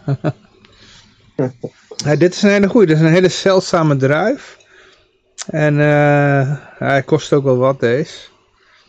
Het is, eh, dit is een hele goeie die ik heb. Ja, die komt dan van een echte slijter, hè? Een, een, een hele goede gespecialiseerde slijter. In Hoogland. Je brandt up en dat kun je gewoon in de supermarkt komen, kopen. En dat is ook hartstikke lekker. Er zit gewoon een extra hopje bij. En eh drinkt wel lekker weg. Nou jongens, eh, goed, maar eh, ja, we gaan even naar ehm, verder. Eh, de jongeren hebben ook weer wat ontdekt. Eh, ja, het is, pas, is ook wel heel leuk na dit eh, bericht over eh, vaccinatiebewijs om jongeren over te halen. Hier reageerden de jongeren. Die zijn ook niet op hun achterhoofd gevallen.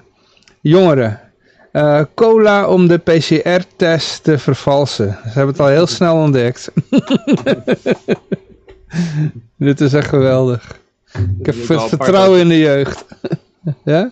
Ja, de gevolgen eh, zijn wat minder natuurlijk, maar eh, ja, de jeugd heeft wel laten zien dat ze dit soort, dat ze de gaten snel weten te vinden. En ook die kennis erover snel weten te delen. Dus eh, alle, ja, hulde voor de jeugd.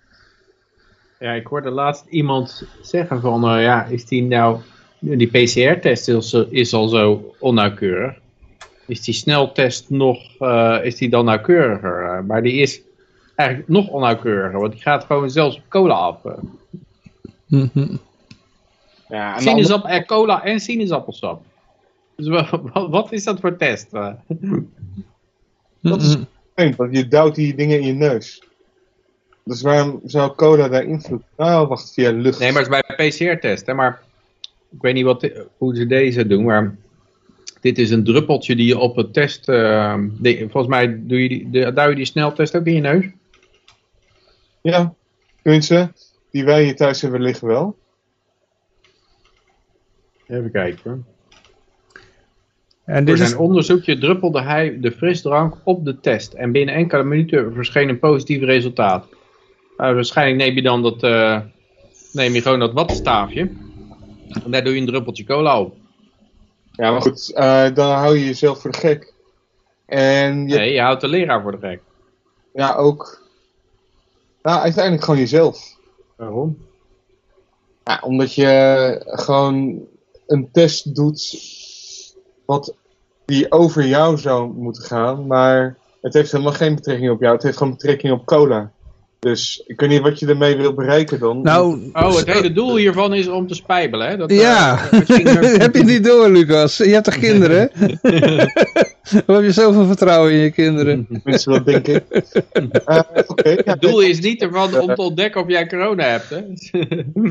Doe dat je gewoon geen zin hebt in school. ja, Oké, grappig. Maar eh, dan kun je gewoon thuis de lessen volgen, toch?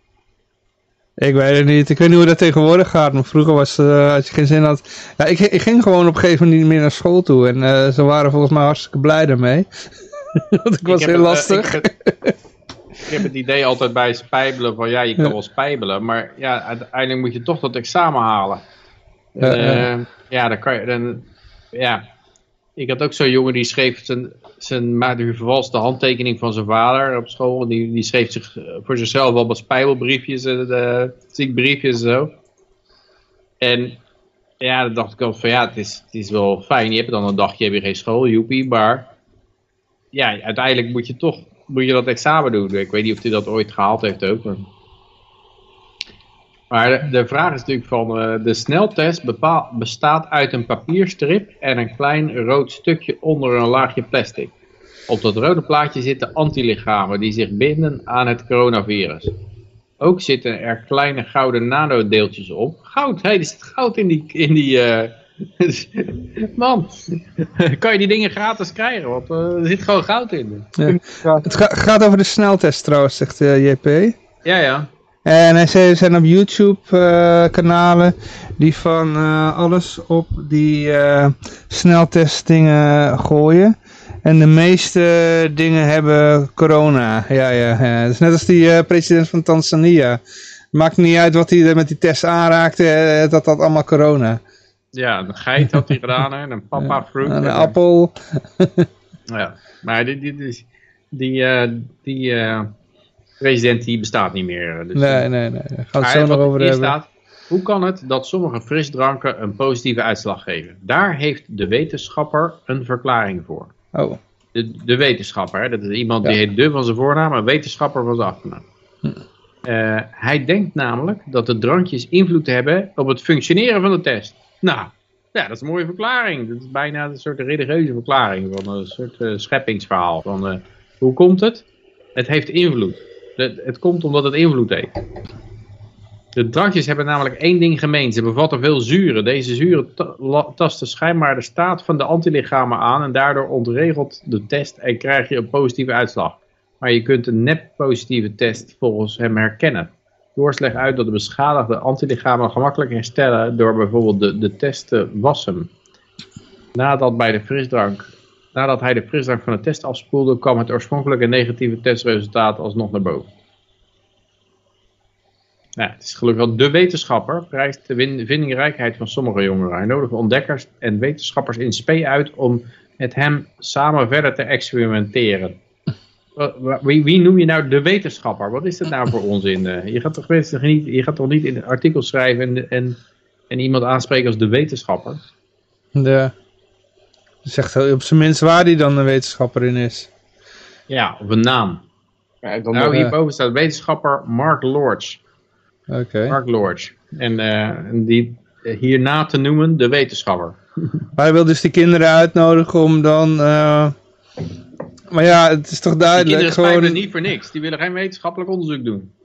Nee, Ah. maar ik bedoel, eh, het is toch duidelijk. Het maakt niet uit wat je op die test gooit. Het, het, het, het is allemaal positief. Ja. ja. En dan moet je als wetenschap toch wel weten. En ze zeggen dat het een beetje dat het met het zuur te maken heeft erin. Maar Ja, dan kan ik me afvragen, in je mond zitten ook allerlei melkzuren. Daar krijg je gaatjes van in je tanden. Dus eh, krijg je daar ook een, eh, Ja. uit, een test van. eh. En is een geit ook zuur dan? Zei je? Want die, die president Tanzania had dat ook op een geit geprobeerd. Ja, Die is dan ook zuur. Misschien eh inderdaad maagzuur. Je hebt een maagzuur ook. Dus, eh, Eh, eh. Nou ja, goed. Ik, eh, moet wel in je maag blijven natuurlijk, maagzuur. Maar eh, eh, eh. Maar eh, even kijken, ja, eh, waar waren we ook alweer? Oh ja, we gaan Grapperhaus eh, gaan we naartoe, die gezellige vent. Eh Grapperhaus wil eh, delen persoonsgegevens om te intimideren strafbaar maken. Eh, gaan ze dan de, de, de overheid ook strafbaar eh, straffen dan? Of? Ja, dus het, ehm, ja, de hele reden om persoonsgegevens op te vragen bij een bank, dat de, K- de KYC, is om jou te intimideren. Van we Ja, weten waar ja. je woont. Dat is eigenlijk het hele verhaal van, eh, ja. ook een bitcoin exchange. Je gaat daar je aanmelden, ze willen je adre- identiteit weten, omdat ze daarna je op je, je huis kunnen binnenrammen en dan eh, je spullen kunnen pakken. Het coronapaspoort dan? Ik bedoel, dat zijn priv- gegevens die eigenlijk bestemd zijn alleen maar tussen jou en je arts. Ja, Dat is, dat is hele intieme iets. Ik bedoel, ik ga jou ook niet vragen of je herpes hebt of aids of zo, weet je wel. Hm. Dus er is een reden dat daar een soort van privacy is, weet je wel. Dat je die informatie alleen maar met een arts deelt. Maar eh, dan willen ze dat in één keer... eh, eh, ja, nou, in in één keer moet iedereen het kunnen weten, weet je wel. Nee, maar dat zegt niet iedereen. Hij zegt dus, hij wil het strafbaar stellen om, Ja. om de persoonsgegevens te, te, eh, te gebruiken als intimidatie. Maar hij doet het zelf wel natuurlijk. Hij gebruikt, ja, ja. Grapperhuis gebruikt zelf eh, persoonsgegevens van mensen om ze te intimideren. Mhm. En dat is natuurlijk het hele verhaal dat de overheid weer strafbaar stelt voor anderen wat ze zelf gewoon normaal doen en, en essentieel vinden ook. eh. Ja, ze ja, ze ja. zeggen, ieder, niemand mag stelen of moorden, maar wij moeten wel het recht hebben om te stelen en te moorden, want anders dan valt de samenleving in elkaar. En eigenlijk zeggen ze ook, ja, mensen intimideren door hun persoonsgegevens openbaar te maken, of, of eh, ja, eigenlijk het zeggen van, eh, ik weet waar je huis woont. Die opmerking, dat is natuurlijk een typische maffia-opmerking en een bully-opmerking. Eigenlijk is dat KYC. Dat is eigenlijk, eh, eh, ik weet wie je huis woont. Eh, Mhm. en, en dat is natuurlijk het, eh, ja, het hele dubbele altijd aan de overheid. Dat zij, zij zien als strafbaar iets wat ze zelf als, voor hunzelf als onmisbaar zien. Ja, ja. En hij wil daar een gevangenisstraf van één jaar op zetten. Ja. ja, maar er wordt dan gezegd, hè, de overheid die, moet, die kan je vertrouwen. Hè? Dat, eh, die hebben altijd het beste met je voor. Zijn er om je te beschermen. Hè? waar, waar ze mee zitten, dat is eh, bijvoorbeeld wat die, ehm, die gast van Blue Tiger Studios, die, heet die, die, die Fries, eh, Die Ja, baard. ja, met die baard inderdaad. Eh, wie, wie, Sietske of zo? Wietske? Ja, Eh, nee. Normaal weet ik zijn naam wel. Riepke maar- Zijlma. Riepke Zijlma, ja, dat is hem, ja. ja. Oh, die. Die heeft natuurlijk eh, gewoon als beleid van eh, als er een corrupte ambtenaar is, dan zeg ik ook gewoon, corrupte ambtenaar Pietje Puk uit eh, de Harlingerstraat in Haarlem of zo. Ja. Ik denk dat die, deze wet dan tegen, juist tegen, specifiek Ja, tegen Riepke... Deze wet is speciaal gemaakt voor Riepke Zeilmaker, denk ik. Want Ja. die lui die schoten daar helemaal door het lint heen. Daarom hebben ze hem ook klem gereden met acht auto's. Want Ja. ja, eh, het is niet de bedoeling dat jij corrupte ambtenaren met naam en toenaam gaat noemen en waar ze wonen. Want dan, eh, dan net zoals die eh, Mark van Rans, zeg maar. Die worden ze ja. helemaal... Eigenlijk is het gewoon, oh, iedereen kan zien dat je corrupt bent. En dit is waar je woont. Oh, denkt de overheid, dat moeten we absoluut niet hebben. Want ja, onze corrupte mensen moeten we goed beschermen. Eh, eh, En eh, ja, dit- is dus het hele idee van doxing. Dat, dat ze daar, eh, daar kan je gewoon na een jaar voor de gevangenis gaan. En dat is, doxing is het populairste eh, middel in Hongkong om, om die corrupte communistische gasten te, te exposen. Hè? Dus geven, ze, als ze zo'n, ja, als ze zo'n v- figuur van radar hebben, dan maken ze gewoon zijn adres bekend in Hongkong. En dat is de manier hun wapen om terug te slaan.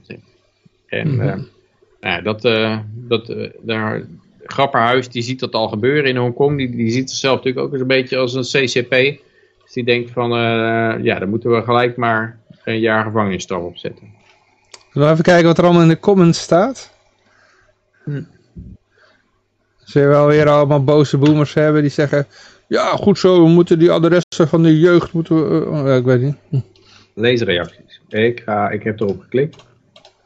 209 reacties. Om mensen die in het blauwe 9 zitten te typen. Want eh, nu underscore dictator staat bovenaan. Dan deel ik mijn zorggegevens niet meer. Maar daar kan de overheid mij mee... Maar daar kan de overheid mij mee intimideren. Nou, ja, die, ja. Die, die heeft, Die hij heeft het heeft door. wel iets opgemerkt van... eh, hey, het is niet helemaal consequent. Maar dan komt er eh, iemand anders die zegt, goed dat dit nu gebeurt en belachelijk dat dit nog niet geregeld is. Nederland blijft helaas achter de feiten aanlopen. Dat is gewoon een zo'n soort eh De gehoorzame, de gehoorzame slaaf. Dit is iemand van zo'n zo'n zo'n account van, eh, ja, je kan van die software kopen die, die honderden accounts aanmaken en die schrijven dan allemaal, allemaal propaganda. Oké. Hippocrates, vizier op links toestanden vervolgbaar. Het zou tijd worden. Even ongeacht je politieke mening, je kan moeilijk achter dat soort praktijken staan en stellen dat je het debat zoekt. Dus vizier op links, die, eh, die, die, eh, ja, die geven, ik weet niet precies wat, wat ze doen, maar die, eh, ja, het is wel zo dat die, dat die van die linkse woke figuren eh, openbaar maken of zo. Dat die, eh, maar dat is een politieke mening. Hè? Dus je mag nou, ook als je, als je een politiek standpunt hebt, dan mag je niet meer daarvoor gedoxt worden. Nou moet ik wel zeggen, er zitten natuurlijk hele mallotige figuren. En als jij bijvoorbeeld zegt van eh, Peter Beukenboom is een kapitalist, nou dan, eh, dan, dan zijn er misschien ook wel mensen die daar zeggen, nou, er wordt tijd om hem eh, voor zijn kop te schieten. Zo. Ja, de Mindy. Goed plan. Als je ziet wat, met wat voor gemak sommige figuren adresgegevens delen met bepaalde adviezen, puur en alleen omdat ze het niet eens zijn met iemand. Maar niemand, eh dit zijn natuurlijk allemaal mensen die, die, die denken aan het eh, intimideren van eh, medeburgers. Maar niet dat de overheid dit ook allemaal gebruikt. De overheid moet precies altijd weten waar iedereen woont en zijn medische gegevens en alles. Want ja, die kan niet intimideren. Maar ze doen het wel. Ja, ja. Maar ja, goed, het eh, komt allemaal uit... Ja, ja, uit de. Ja, dat was meneer de Uil. Ja, eh, even kijken. Ehm, dan gaan we naar, eh, even kijken, naar, naar Twitter toe. Wie, Wiebrand van Hagen heeft wat getweet. Even kijken hoor. De aap komt nu uit de mouw. De enige reden dat COVID-19 op de A-lijst is geplaatst is om maatregelen te kunnen nemen, zoals de lockdown, anderhalve meter eh, nemen. Eh, oh, de anderhalve meter, de avondklok en de quarantaineplicht. Ehm, het heeft niets te maken met de ernst van de ziekte. Ja, ja dus de andere, André Piet schrijft ook onder 2020. De maatregelen moeten worden genomen omdat de ziekte een A-status heeft. En dan, op, dan na een jaar lang komt het parlement erachter van, hé, hey, maar de ziekte heeft helemaal geen A-status. En dan 2021, de ziekte heeft een A-status omdat de maatregelen moesten worden genomen. en dat is eigenlijk wel wat er gebeurd is, want het is belachelijk dat deze ziekte een A-status krijgt. Het is gewoon eh, totaal ridicuul.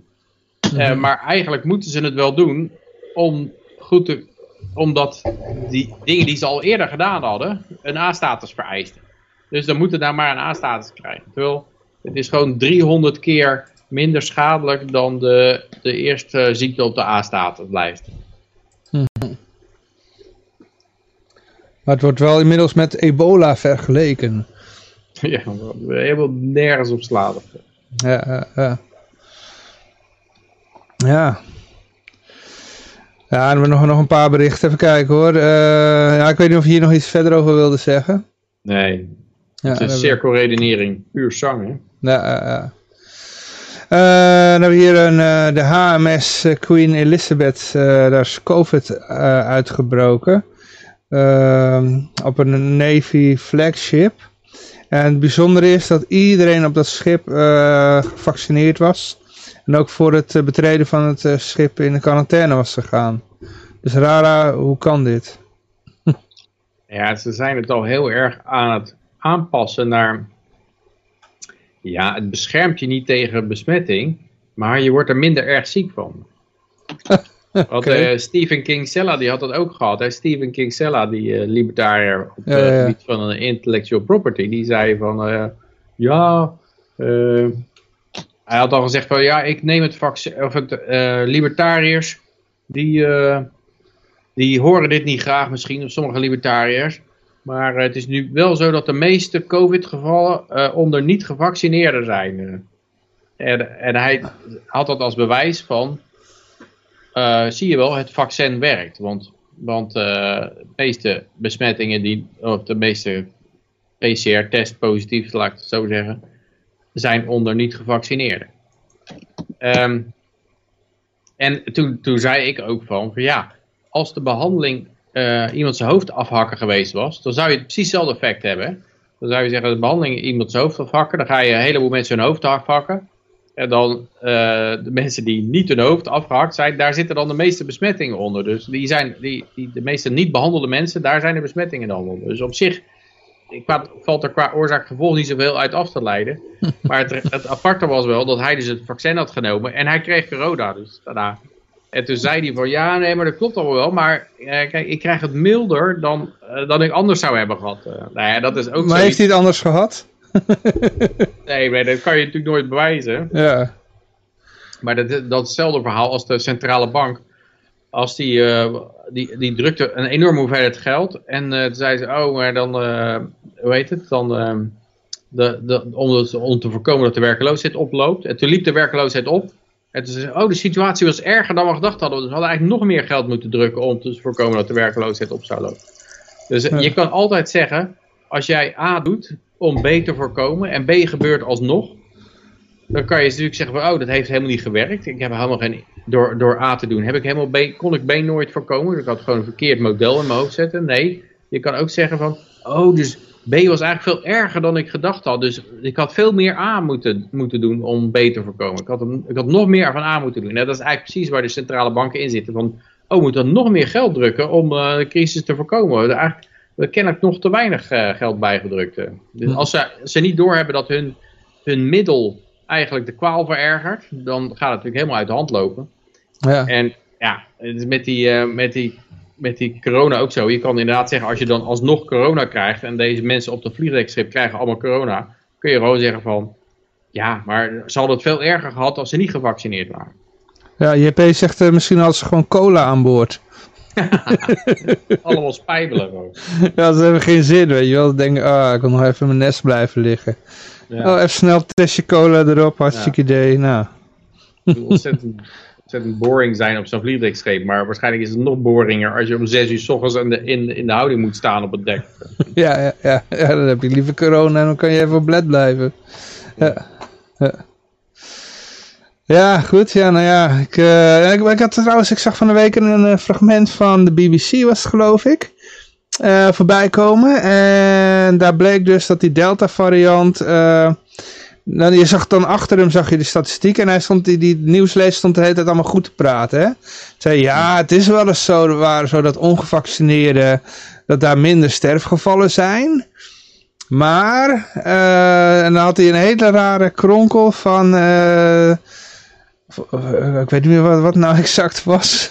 Zat het op een heel rare manier allemaal Ja. goed te praten. eh, recht te trekken. Terwijl je kon gewoon zien, je zag dat, dat sterfgevallen van gevaccineerden was hoger, weet je wel. En volgens mij was het iets van, nee, anders was het allemaal erger geweest of zoiets. Maar ik zat echt zo te kijken. Ik denk, nou, volgens mij kan je maar dan maar beter ongevaccineerd blijven. Ja, het is apart, de bochten waarin mensen gingen door, die deed die Stephen Kinsella ook. Hè. Die Ja, begon ja. namelijk met, zijn originele post was, eh, de meeste doden, of de meeste coronagevallen zijn nu onder niet-gevaccineerden. Met andere woorden, het vaccin werkt. En jullie moeten niet zeuren met jullie eh, vaccin hesitancy. Maar iemand anders zei eronder, die uit de UK, die zei, hey, dat is vreemd. In de UK is het precies andersom.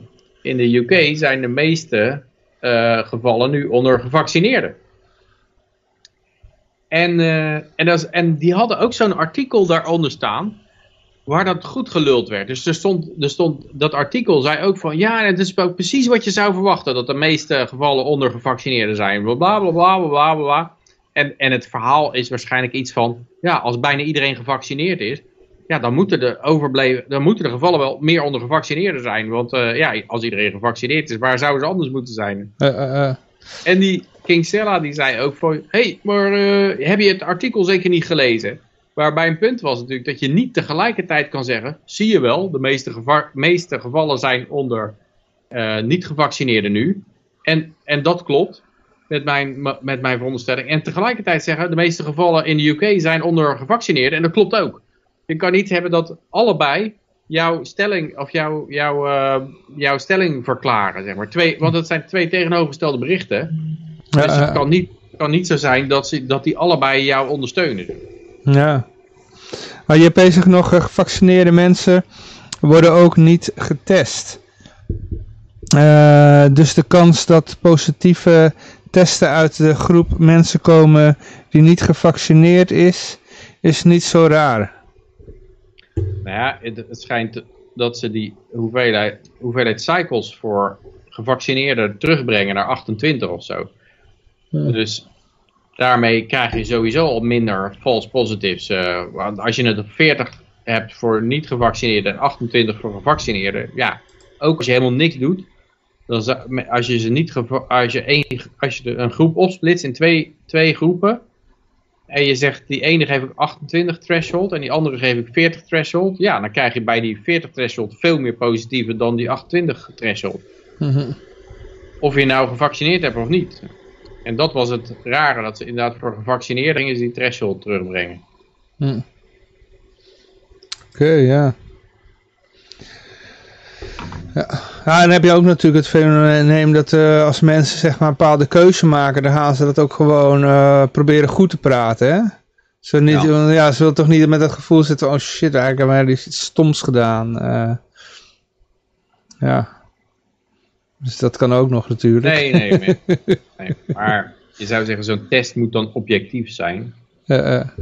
En eh, dan, dan eh, zou, zou je met die test objectief moeten kunnen zien of het enig effect heeft. Of zo. Maar ja, zoals de uitvinder van de PCR-test, Carrie Mullers al zei, je kan er geen diagnose mee doen. En de uitvinder van het mRNA-vaccin, die, eh hoe heet die ook weer? Even zijn naam kwijt.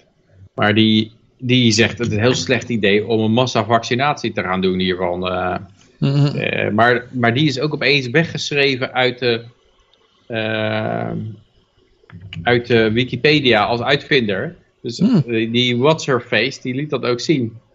Eh, ehm, dat, dat de uitvinder van die mRNA-vaccin, die zei het is een slecht idee. En de volgende dag nadat hij dat gezegd had, was Wikipedia geëdit en was hij verwijderd als uitvinder van, de van het mRNA-vaccin. Oké. Dus, eh, kijken wat, die, wat zijn naam was. Eh, wel handig. eh. Als ik nou zeg in, in Bing, inventor mRNA. Gebruik jij. Bing? Gebruik Bing. Oké. eh. Huh? Oh, dat vind ik echt de, de, de, de, echt de meest slechte die je hebt persoonlijk. Ja? Ik vind er nooit iets mee. Robert Malone. Oké, Oh, oké. Met eh, m- Microsoft accounts. Oké, oké. Eh, eh. Nou, ik moest een keer bij Google moest ik allerlei informatie gaan invullen of zo. Ik moest de terms and conditions en accept Oké. dit en bla bla. En toen dacht ik, bekijk het maar. Ik ga naar Bing. Ah, Oké, ja, ja. Ja, ze hebben allemaal voor- en nadelen. Als, als je puur om gaming gaat, dan kun je dat beter gewoon bij Google zoeken. Eh, dus je wilt cheatcodes voor gaming of zo, dan eh van een spel. Bij Google vind je het gewoon meteen, weet je wel. Maar als je op DuckDuckGo gaat, dan krijg je van alles en nog wat. Er- Ook dingen die er helemaal niks mee te maken heeft. Maar als je echt wil dingen wil weten waarvan je weet dat Google jou dan de, de verkeerde kant op stuurt. En politieke dingen, zeg maar. Nou, dan kun je Ja. beter naar DuckDuckGo gaan. Dus, eh, Ja. ja, dat zo gebruik ik het ook. ja. DuckDuckGo is op zich niet zo sterk, maar soms weet je gewoon dat Google jou bewust gaat lopen misleiden. Ja. bepaalde dingen. Dan moet je wel naar, eh, maar Yandex.Rusland, dat is ook wel wat dat betreft een Oh, oké. alternatief voor, voor Jan- als je weet dat, je in Google gevaar zit, Google terrein. Oké. Maar het is wel interessant als je dus nou, de Wikipedia staat inderdaad, one of the earliest attempts to use mRNA to fight disease in humans is attributed to the Hungar Hungarian biochemist Katalin Kariko. dus de Wikipedia is inderdaad gewoon aangepast nadat die, eh, die eh, Robert Malone, dat hij heeft eh, gezegd van, hey, misschien niet zo'n geweldig idee om, deze, om dit gelijk massaal toe te passen. Mhm. Maar die, die man, die, die Malone of zo, die dan van de Wikipedia was verwijderd, die geeft wel het bewijs dat hij gewoon de uitvinder is. Dus eh, patent of zo. Ja, nou je kan nog steeds in de, in de hoe heet dat, eh, de, de archives, of eh, je hebt van die, van die websites die houden oude sites bij, hè? ja, ja. dan kan je gewoon de oude versie van die site opvragen en dan kan je zien dat hij daar stond als uitvinder. Maar je hebt toch ook de patentdatabases, dat kan je toch ook zien? Ja, daar, ehm, ja, ik weet niet of hij er patent op aangevraagd heeft. eh. Ah, Oké. Maar ja, daar is ook weer interessant aan de hand met die patent. De- dat is eh, ja, voor wie daarin geïnteresseerd is. Maar daar kwam een gast, die was de, een hele van een hele grote verzekeringsclub. Eh, en die, en die, houden, die zoeken allemaal patenten na. En ehm, hij ging eens duiken in die novel coronavirus. En hij vindt allemaal oude patenten Mhm. over dat novel coronavirus. En hij zegt, het is helemaal niet novel, want er er zijn al patenten aangevraagd in eh, jaren geleden. Ja, ja, het het is 2014 geloof ik. En eh, Ja. afgewezen ook. Dus, eh, maar dat, ja, dat had te maken van... eh, het, het is een keer, iemand heeft het een keer uitgelegd, dus het is op zich niet zo gek hoor. Het is als je weet hoe... Nee, wat, nee wat- maar dat is niet dat. Ik weet wat je bedoelt. Oké, oké. Want wat, je, wat, wat ik eerst hoorde ook van, hé, hey, er is een oud patent. Eh, eh. Omdat er, ehm, het wordt verbonden aan eerdere claims. Dus ook als het later is ingediend, dan kan het opeens de originele datum naar, voren verschuiven. Of zo. Dat is een beetje een raar systeem van het patentbureau. maar wat deze vent zei, dat, dat ging veel verder dan dat. eh. Oké. Eh, en het is een beetje een technisch verhaal. Ik, eh, ik weet het ook niet helemaal goed te herinneren. Maar ehm, eh, ja, hij werd geïnterviewd door een paar Duitse gasten. Even kijken of ik, dat nog, of ik daar nog iets van achter kan achterhalen wat de naam daarvan is. Ja, het ging wel redelijk viraal ook. Toen kwam het, via verschillende kanalen kwam het naar voren. Ja, moet ik even iets eh, openen hier voordat ik... eh,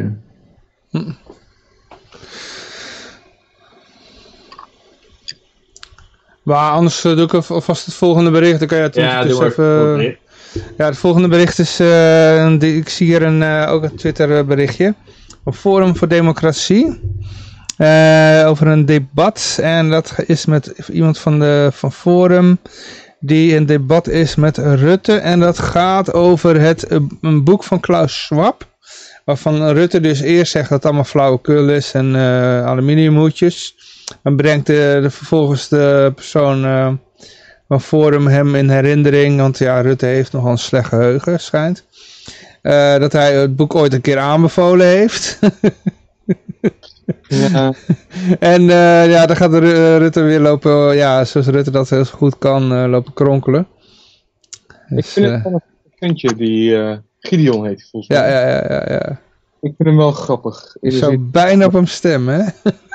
Nou, maar hij is best wel irritant. Je denkt wel echt zo van... Ja, Maar Hm? dan hoor je hem zo praten en dan denk je ook echt van wauw, eh, eindelijk ook iemand die zijn best doet, eh, zeg maar, op de Tweede Kamer. ja, ja. En daar zijn er niet zo heel veel van. Dus eh, ja, dat is waar, ja. Mhm. plus kudo's voor hem, eigenlijk Ja, wel. ik moet zeggen, ik, ik heb hetzelfde wat jij. Bij zijn stem en zo hoor je het een beetje. Het is zo'n billenknijpen mannetje. Zo, zo, zo, het een beetje. ah. Ja, zoiets, ja. Hij, maakt het, hij maakt het tien keer zo goed, of hij maakt het weer tien keer goed door de, Inhoud. wat, hij, wat hij zegt. Dus Ja, eh, het is Helemaal. te haten, maar het kan gewoon niet, want hij is gewoon oké. Ja, ik kan er ook wel eens doorheen. Ik heb dat ook ooit naar heel colleges geluisterd van George Reisman. Dat is die advocaat, die, of die, die econoom die een beetje rond de Ayn Rand eh, club zat. En ik vond die man zijn stem niet, uit, niet om uit te staan. Maar ja, hij maakte op zich wel redelijk sens met wat hij zei. Ik heb er Ja. gewoon, ondanks deze oppervlakkige afkeer, heb ik me er eh, doorheen gebeten door de colleges. eh, eh, eh. Ja, het is inderdaad wel een leuk filmpje. Dus, Rutte liegt over de Great Reset. Ja. Dus ja, ik, ik vind vind het wel raar, waarom, waarom doet Rutte dat, weet je wel? Ik bedoel, hij loopt aan, eh, eh, elders loopt hij het allemaal aan te prijzen en eh, loopt hij dan nog net niet eh Klaus Schwab te pijpen. En maar eh, als dan de Forum hem daarmee eh, confronteert, dan, eh, dan doet hij van, ah, het is allemaal aluhoedje en eh, niet waar. Hij komt ermee weg en dus eh, doet hij dat. Ja, ik denk, Gaat hoe je in het nieuws komt. En sowieso wordt hij natuurlijk al geholpen door eh eh, RTL Nieuws en eh, alle actualiteitsprogramma's van de publieke omroep. Eh, en als je dat eh, door dit soort kansrijke mediamomenten, of dus mediamomenten die, waarvan de kansrijk is, nee, momenten waarvan het kansrijk is dat die in de media terechtkomen, dan Mhm. moet je gewoon even een leugen vertellen en dan eh, heb je het spel goed gespeeld. En je gewoon een lul als je dat doet natuurlijk. Echt een leugenaar. Maar ja, Ja. Ja, ik ken ook iemand die zei van, oké, dit gaat wel een staartje krijgen. Nou hangt die hoor. En ik zei gelijk al van, nobody cares. Niemand maakt het één bal uit dat Rutte liegt. Eigenlijk, eigenlijk weet men gewoon al dat hij liegt. Dus eh, ja, maar je kijkt daar echt helemaal niet van op. En het, het, men is er niet van onder de indruk. eh. Nee. Nee, goed, ja. Dan gaan we naar de dode presidenten toe. Maar eh, voordat we naartoe gaan, had jij het al gevonden wat je zocht? Nee, ik zit nog steeds te scrollen door allerlei oude groepjes en zo. Ja. eh. dan gaan we naar de dode presidenten toe. En dan bedoelen we natuurlijk niet dollarbiljetten. Die worden ook wel eens eh, dead presidents genoemd, hè. Ja. Omdat er altijd een dode president op staat. All three presidents who declined the COVID vaccine are now dead. Dat gaat dus over die eh, president van Tanzania, Haiti en... Nou moet je me helpen, wie was nummer drie ook alweer? Burundi geloof ik. Burundi, oké. Ja. Ja, ik vind het wel, eh, wel apart. eh, want ik, heb, ik had nog een filmpje erbij gehaald van eh Anomaly, heet die. Mhm. En die had, die had het op een YouTube filmpje helemaal op een rij gezet. En dan zie je inderdaad zie je die Tanzania, of die Haitiaanse president. Die zie je zeggen van, nou, maar wij hebben, wij hebben een speciaal kruid. En dat be- beschermt ons tegen COVID. En, en het rare was, dus, er was niemand ingeënt daar bijna. En ze hadden echt 0, niks doden. Er was gewoon niks aan de hand daar, dat hele Haiti. En mensen gingen gewoon naar een restaurant toe en geen mondkapjes. En alles ging gewoon door zoals als normaal. En dan loopt er zo'n reporter tussen, die is in een filmpje zo. En die zie dan met een mondkapje, ja, je zou zeggen dat ik de normaalste ben hier met mijn mondkapje op. Maar het rare is dat niemand loopt hier met een mondkapje op. Dus ik ben de, ben de vreemde vogel hier. En, Ja. en dat kunnen ze natuurlijk niet hebben. En het rare is dat er dan, eh, hij heeft het hele Haiti-stuk in ieder geval, heeft hij alle nieuwsberichten daarover verzameld, wat daarover bekend geworden is. En het is echt een heel vreemd verhaal. Er zitten DEA-agenten bij betrokken, Drug Enforcement Agency. Die aanslag was ook gepleegd door mensen met een DEA-uniform aan. Mhm. Eh, de DEA heeft toegegeven dat dat een informant was van hun. Maar eh, ze zeiden dat hij dat, ze- dat hij niet in de naam van DEA gehandeld heeft. En die, terwijl ze die aanslag plegen, zeiden ze wel, wij zijn hier namens de DEA. Dat riepen Ja. ze wel. Maar de DEA zelf, die, of de, ja, wie de DEA-hoofd zelf, dan, eh, die ontkent dat, dat het namens hun gedaan is. Maar ze hebben wel geholpen, want hij heeft wel daarna de DEA gebeld en gezegd, wat moet ik doen? En toen hebben ze hem geholpen met zichzelf aan te geven of zo. Of, eh. Ehm, maar het is wel opvallend dat inderdaad, hoor je daarna Jens Psaki, de adviseur of de woordvoerder van het Witte Huis, hoor je zeggen van ja, we gaan, eh, we gaan Haiti helpen met rechtsbijstand en eh, vaccins naartoe sturen. Dus hup, gaan de vaccins naartoe. In Tanzania is natuurlijk ook al gebeurd. Die vent van Tanzania, die, eh, die was ook tegen die vaccins. Hij krijgt opeens een hele jonge hartaanval zo en ziekte en boem weg. En de volgende gaat voor enorm bedrag aan vaccins importeren. Dus het is wel een beetje, een beetje verdacht. Het is iets waar je een beetje... Kijk, ze kunnen natuurlijk eigenlijk geen controlegroep hebben. Ze willen niet dat er een controlegroep is. En het rare is ook dat bij die test hebben ze natuurlijk... Ze hebben een controlegroep gebruikt. Ten eerste, die controlegroep was al niet ingeënt met een echte placebo. Met, maar met een, eh, met een ander vaccin, een meningitis vaccin, wat ze dan eh, als, als eh, veilig beschouwden. Mhm. En het vreemde is dat ze direct toen de Emergency Use Authorization binnenkwam, hebben ze gezegd, eh, oké, controlegroep willen jullie ook laten inenten.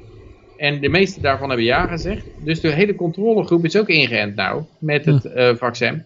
Dus je kan nooit meer bepalen of er lange termijn gevolgen zijn. Dus statistisch valt is er niks meer om het tegen af te wegen.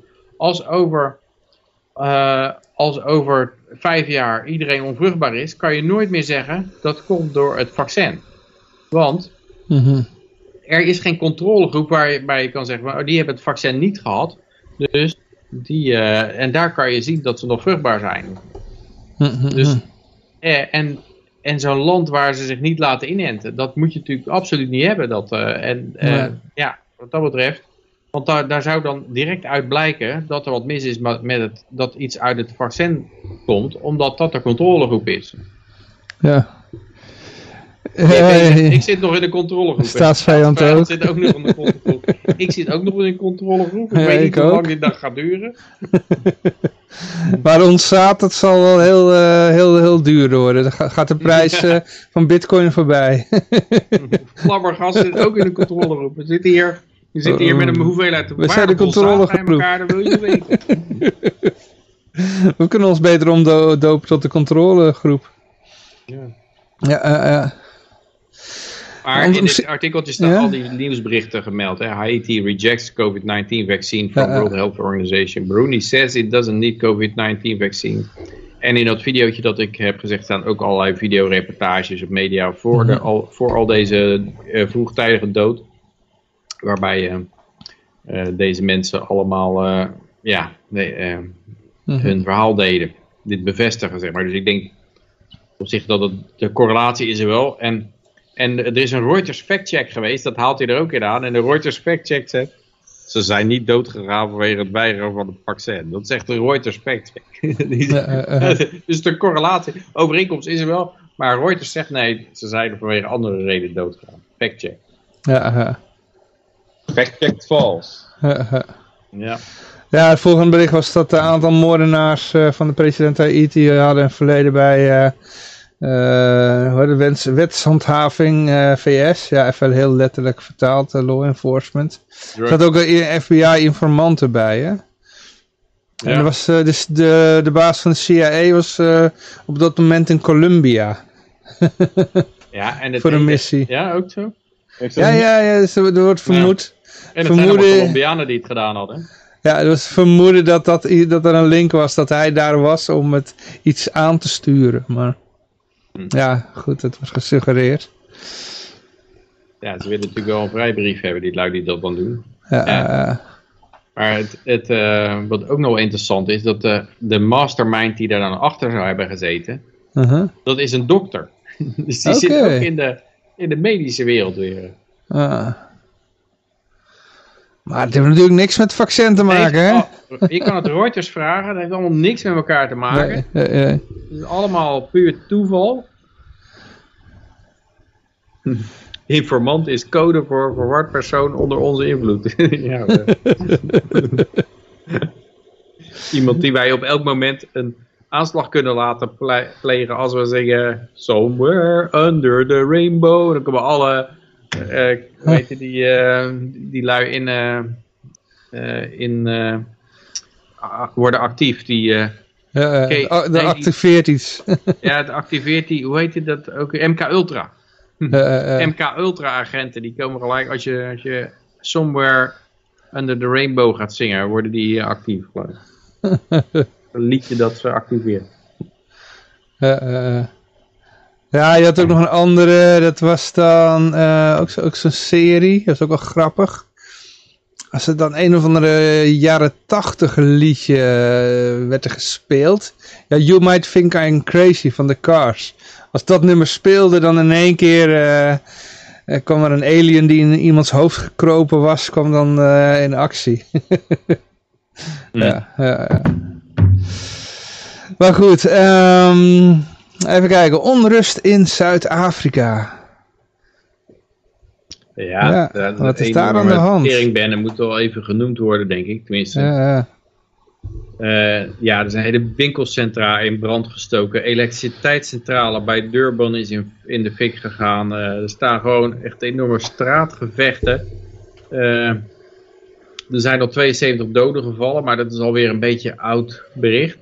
Eh, wat ik nu als laatste lees, is dat ze geloof ik 25.000 troepen hebben. Het militair, het leger is ingezet, maar ze hebben ook allerlei reservetroepen hebben ze nog eh, opgeroepen. Ja, 25.000 troepen. En eh, ja, de, het land lijkt op het op, eh, punt van, eh, van eh, Civil War. Kritische infrastructuur is nou eh, belaagd. En dat zou zogenaamd allemaal te maken hebben met die Zuma-president die in de gevangenis is gegooid. Maar ik denk dat het een beetje een aanleiding is. Want eh, ja, ik vermoed dat hogere voedselprijzen er eh, het, eh, de echte oorzaak van zijn. En het zal in Cuba ook wel het geval zijn. En dat is natuurlijk, ja, was toen met Noord-Afrika, Egypte ook het geval. Die voedselprijzen gingen omhoog en dan, dan zie je dat mensen geen eten meer hebben. En dan opeens dan gaan ze lopen, lopen rellen. En dat zijn natuurlijk ook mensen die waarschijnlijk al altijd een uitkering hebben gehad van de overheid, dat een beetje afbetaald, helemaal geen skills meer hebben en, en niet meer gezond eh, verstand kunnen nadenken. En ja, het enige wat ze dan hebben van, hé, hey, mijn uitkering betaalt eh, rekeningen niet meer, nou ga ik redden schoppen. Dus ik zie army vehicles moving towards Durban on the N3 have just passed the Marion Hill toll plaza. Dus ja, je zag beelden van zo'n winkelcentrum dat gewoon helemaal, het hele winkelcentrum echt helemaal leeggeplunderd. Met heftrucks werden er gewoon complete vrieskisten naar eh, buiten gereden. Hm. Dus eh, ja, het is echt. En de- ik denk niet meer dat ze hiervan terug kunnen komen. Want het talent is er gewoon niet meer. Want ze, wat ze ook jarenlang gehad hebben nou, is dat het beleid dat bijvoorbeeld bij een elektriciteitsmaatschappij of een, eh, een, een groot bedrijf, of een nutsbedrijf of zo, daar moest dan een zwarte aan het hoofd staan. Want eh, daar hadden ze recht op. En het ging dus niet meer om, heeft hij kunnen, kennis van zaken? Kan die eh, een elektriciteitscentrale runnen? Nee, het ging erom, is die, is die zwart of niet? Als die zwart is, dan krijgt hij, daar, krijgt hij gewoon gegarandeerd, krijgt hij, mag hij die elektriciteitscentrale runnen. Wat er enorme blackouts gereden, gereden, eh, geresulteerd heeft en allerlei falen. Want het, ja, je moet natuurlijk de beste mensen daar hebben. Die mensen die gekwalificeerd zijn en gediplomeerd. Die ook allemaal het land al verlaten hebben. Want ik ken ook een hele berg Zuid-Afrikanen die naar Nederland zijn teruggekomen. Omdat ze daar eh, een soort aansluiting mee hadden om dat mogelijk te maken. Omdat als je maar enigszins talent hebt, dan probeer je daar weg te komen. Want je zag natuurlijk allemaal aankomen dat dat zo zou gaan lopen. En het rare is natuurlijk, al die mensen die zo die, die voor de boycott waren toen het apartheidsregime er was. En het apartheid was het slechtste regime ooit. Het was vreselijk, want het waren, het was een rassendiscriminatie. Maar in die tijd waren er zwarten die vluchtten naar Zuid-Afrika toe, omdat hun job opportunities daar beter waren. Ja. Ze moesten bij de grens mensen tegenhouden, omdat ze zo graag in Zuid-Afrika wilden werken. En nu is het gewoon één grote shitshow geworden, waarbij eh, alles in brand staat en, elkaar, en plunderen. En ja, ik denk niet meer dat ze bijvoorbeeld zo'n elektriciteitscentrale weer op kunnen bouwen. Want ze hebben gewoon, Ja. het, het, het- de vakkennis is niet meer voor. Dat is, die is allemaal geëmigreerd. Eh, ze hebben een neefje van de president, is daar hoofd geworden. Die heeft gewoon geen flauw idee wat hij aan het doen is. Dus die, die krijgen dat absoluut niet meer aan de gang. Zo'n winkelcentrum, dat gaat ook niet meer open, denk ik. Dat is ooit een keer neergezet. En eh, door, door mensen die wel verstand van zaken hadden, die door de vrije markt geselecteerd waren. En ja, die zijn vertrokken omdat ze het aan zagen komen hoe het mis zou gaan. En dit is eigenlijk een beetje, dit gebeurt als je positieve discriminatie tot een extreme doorvoert en die hele woke shit. Dan krijg je uiteindelijk dit soort dingen. Ja. Nou, ik moet wel bij zeggen, eh, iemand die dan zwart was en lid van het ANC natuurlijk, hè. Het Mhm. ANC was ook weer eens gekaapt door allemaal marxisten. Ja, Dus, ANC eh, is natuurlijk de communistische toestand. En er wordt er altijd gezegd van, bij Cuba, ja, de enige reden dat het daar economisch slecht gaat, is vanwege de boycott eh, van Amerika. Ja, maar Zuid-Afrika zijn ook marxisten aan het bewind. En die, eh, die hebben geen boycott, die, die worden zelfs, alles wordt vergoeilijk van ze. Maar er is ook een, een eh, klerenbende, dus eh, misschien heeft het toch meer met het marxisme te maken dan met die boycotten. ja. Maar even kijken hoor, JP onder de... Oh, wil je dat zeggen, Lucas? Nou ja, op zich niet zo belangrijk. Maar het is wel grappig, want een eh, oud collega probeert nu ook zijn ouders eh, hierheen te krijgen. Hij is ook echt helemaal financieel garant en zo. Even los van dat die ouders zich ook prima redden. En eh, ja, het valt hem wel echt op hoe moeilijk de Nederlandse autoriteiten eh, doen.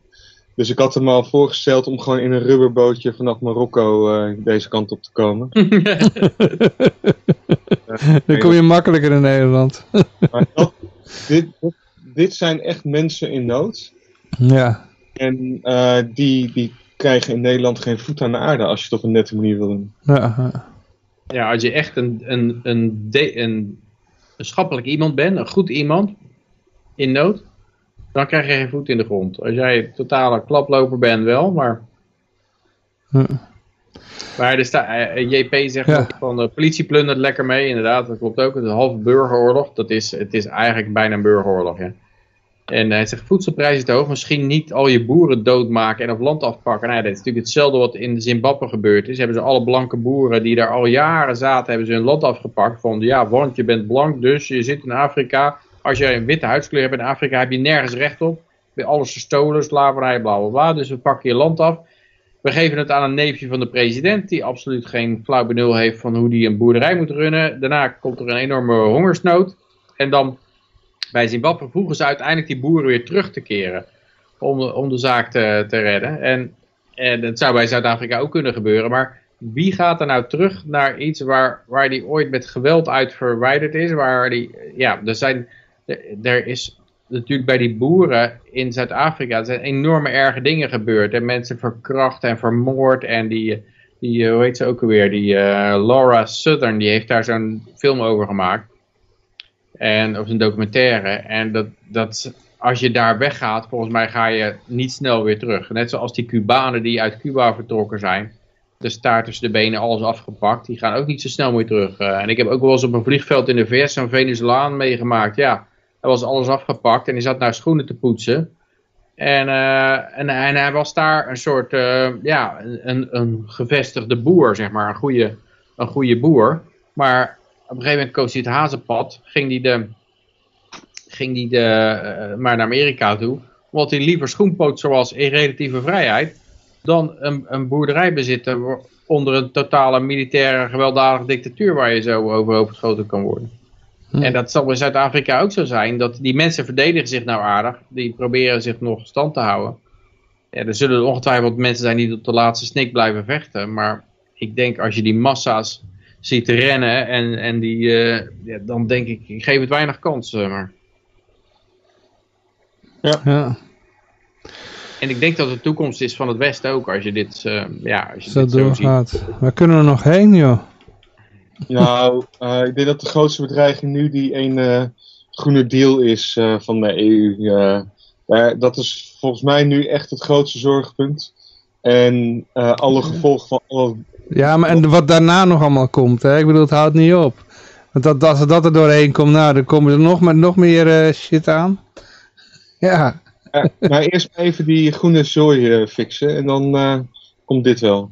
Als we Ja, dat, dat, dat gaat inderdaad. Als ze, eh, monster, dat groene EU-monster kunnen fixen, dan kunnen we dat, eh, dat woke, de gevolgen van het wookgeneuzel ook nog wel eh, fixen. ja, daar maak ik me nou nog niet zo druk inderdaad over, over dat woke gedoe, maar... ja, maar dat wookgedoe is in Nederland misschien nog niet zo ver gevorderd. Maar Ja. in, in Amerika is het best wel destructief al. Ja, eh, eh. Komt dan over vijf à tien jaar ook in die mate ook hierheen. ja, ja, ja. De grootste bedreiging is eerst die vieze tuinkabouter eh, in Brussel. Ja. Timmer Frans. Ja, als je hem een Ja, bolhoed als je opzet, de- eh, dan lijkt het net vader Abraham, joh. En daar zijn ze natuurlijk in Amerika, hebben ze, ik heb het idee dat ze daar in Amerika weer iets later mee zijn met de Green New Deal. Dat is ook daar is het een vreselijk programma. Als dat ten uitgevoer wordt gebracht, dan, eh, dan, dan, dan denk ik dat ook daar een ramp natuurlijk. Ja. Maar we gaan nog even naar de helstaat Cuba. Daar hadden we het al over. Daar was het al onrustig. Als de mainstream media eh, moeten geloven, is daar een protest gaande van mensen die allemaal hutje-mutje staan. eh, te protesteren dat ze gevaccineerd willen worden. ja, probeer iets, iets anders te zeggen. Hè? Dan krijg je meteen een factchecker aan je broek. ja, ja. ja, ik zag ook een ander bericht. Maar dat was dan bij een conservatieve site zelfs. En dat stond eigenlijk bij van, eh, ja, eh, eh, vanwege vrijheid en, en vaccins. En ik heb een beetje gezocht hier. En dit is een beetje een, een, een nonsense site, die joe.co.uk. Ik weet ook niet wat het is. Maar er, staat, er stond echt alleen maar... Protests take place across Cuba as the country faces shortages of COVID-19 vaccines.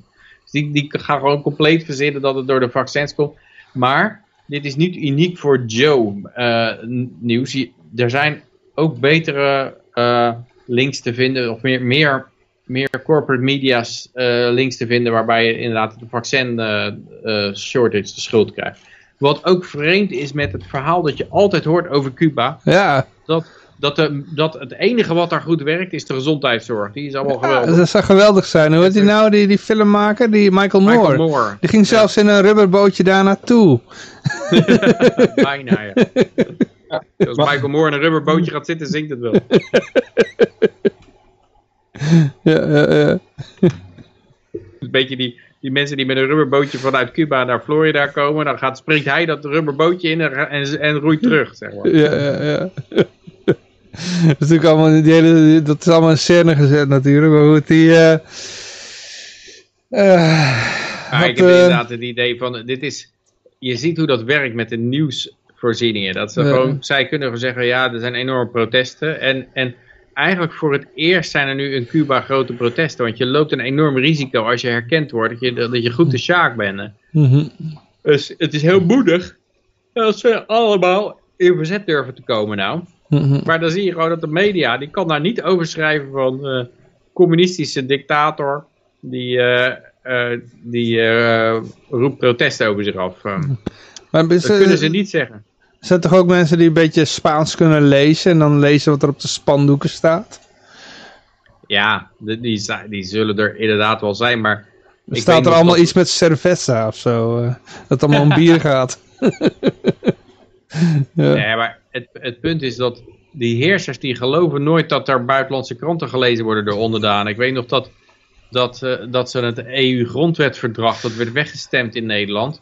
En toen, eh, toen zei Rutte iets van, eh, ja, we hebben geluisterd naar het volk en ja, ze wilden, ja, wat was het? Ze wilden geen volkslied, EU-volkslied en dat is geschrapt en nu hebben we het aangenomen. En in de Finse pers stond te lezen van, eh Finse premier zegt, oh ja, eh, het zijn alleen cosmetische veranderingen die Nederland wil. Dus het, het, eh, die, die Finnen zei, ja, buitenland eigenlijk universeel zei, van, oh het zijn alleen maar cosmetische aanpassingen voor Nederland. Het heeft niks om het hand. Mhm. En, en Rutte verkocht het in Nederland als zijnde van eh, nee, we hebben geluisterd naar het volk en het hele zaak aangepast fundamenteel. En eh, het is heel anders en we hoeven nou geen referendum meer te doen, want eh, we kunnen het gewoon gelijk goedkeuren. En daar zie je van, ja, hij verwacht ook niet dat, dat Nederlanders de Finse krant lezen of, of, of nieuws uit het buitenland krijgen of zo. Dat, dat achten ze onwaarschijnlijk. En, en zij kunnen gewoon zeggen, ja, in Cuba zijn er protesten vanwege vaccintekort. En wie trekt dat in twijfel? Mensen denken Ja. van, oh ja, dat, dat klinkt logisch hoor, dat zal best wel zo zijn. Eh. Het is, ik denk dat daar heel weinig eh, gekeken wordt. eh, en, en het was zelfs zo dat, dat die woordvoerder van het Witte Huis, die konden eigenlijk Cuba ook niet veroordelen als communistisch.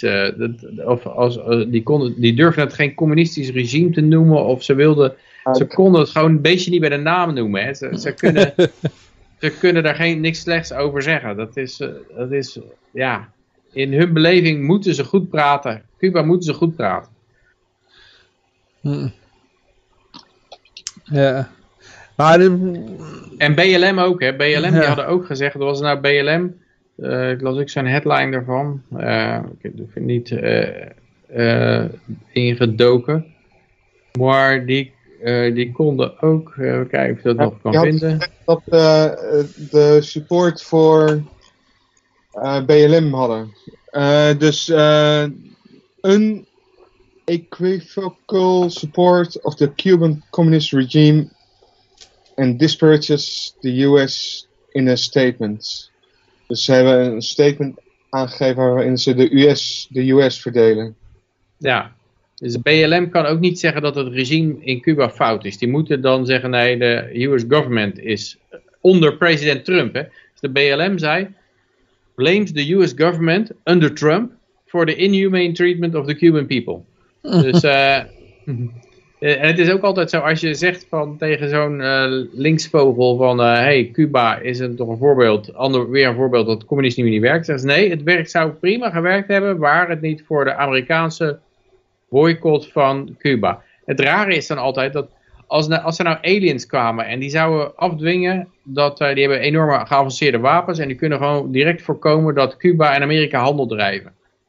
Is het dan te voorspellen welk land daar straatarm van wordt en welk land daar niet zoveel van te lijden heeft?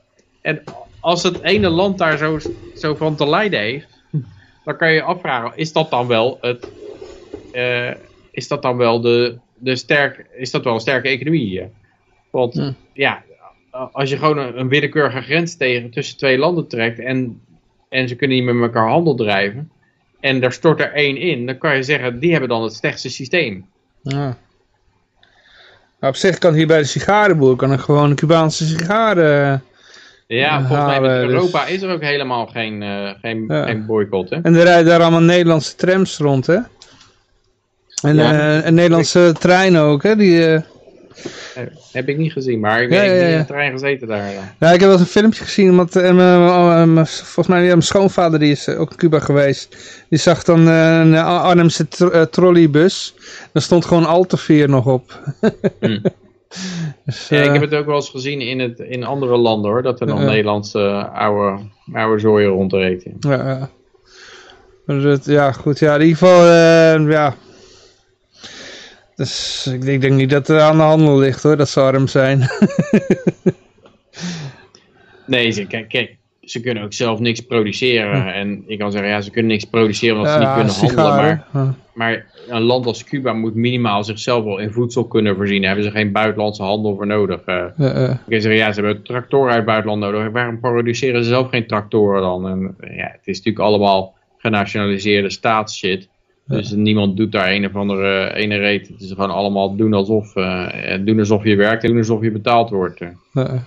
ja, ik zag nog wel een keer in de documentaire, ze hebben wat eh, dingetjes al een beetje geprivatiseerd, even tussen aanhalingstekens. Dus mensen mogen ietsje, ietsje meer. En dan zie je wel dat dat meteen ook gaat floreren, weet je wel. Dus dan, dat, ik geloof de taxibusiness, Dat, dat, daar kan je dan inderdaad weer wat aan verdienen. En dan gaan de mensen dan ook helemaal vol in. Hè? Want dan kun je toch ietsje meer verdienen dan eh, wat je normaal hebt. Ja, ik ben een jaar of vier geleden geweest, Ja. toen, eh, toen reizen nog mogelijk was. Uh, uh, En eh, ja, dan zie je bijvoorbeeld dat ik sprak daar met een, een leraar Engels. Die stond in het park een beetje Engelse les te geven. En die, die vertelde van, ja, ik moet een maand werken voor zo'n headsetje. Voor zo'n oordopje met een, met een draadje eraan. Zeg maar, die je voor anderhalve dollar bij de Action kan kopen. Ja, ja. En, en hij, hij zegt, ja, dat- hoe kan dat nou dat ik, dat, er, dat, ik daar, dat ik zo lang moet werken voor zo weinig? En tegelijkertijd had ik daar zo'n zo'n oude auto, weet je wel, zo'n antieke eh, Amerikaan. Die, Ja. die zijn helemaal tip-top onderhouden door een privaatpersoon.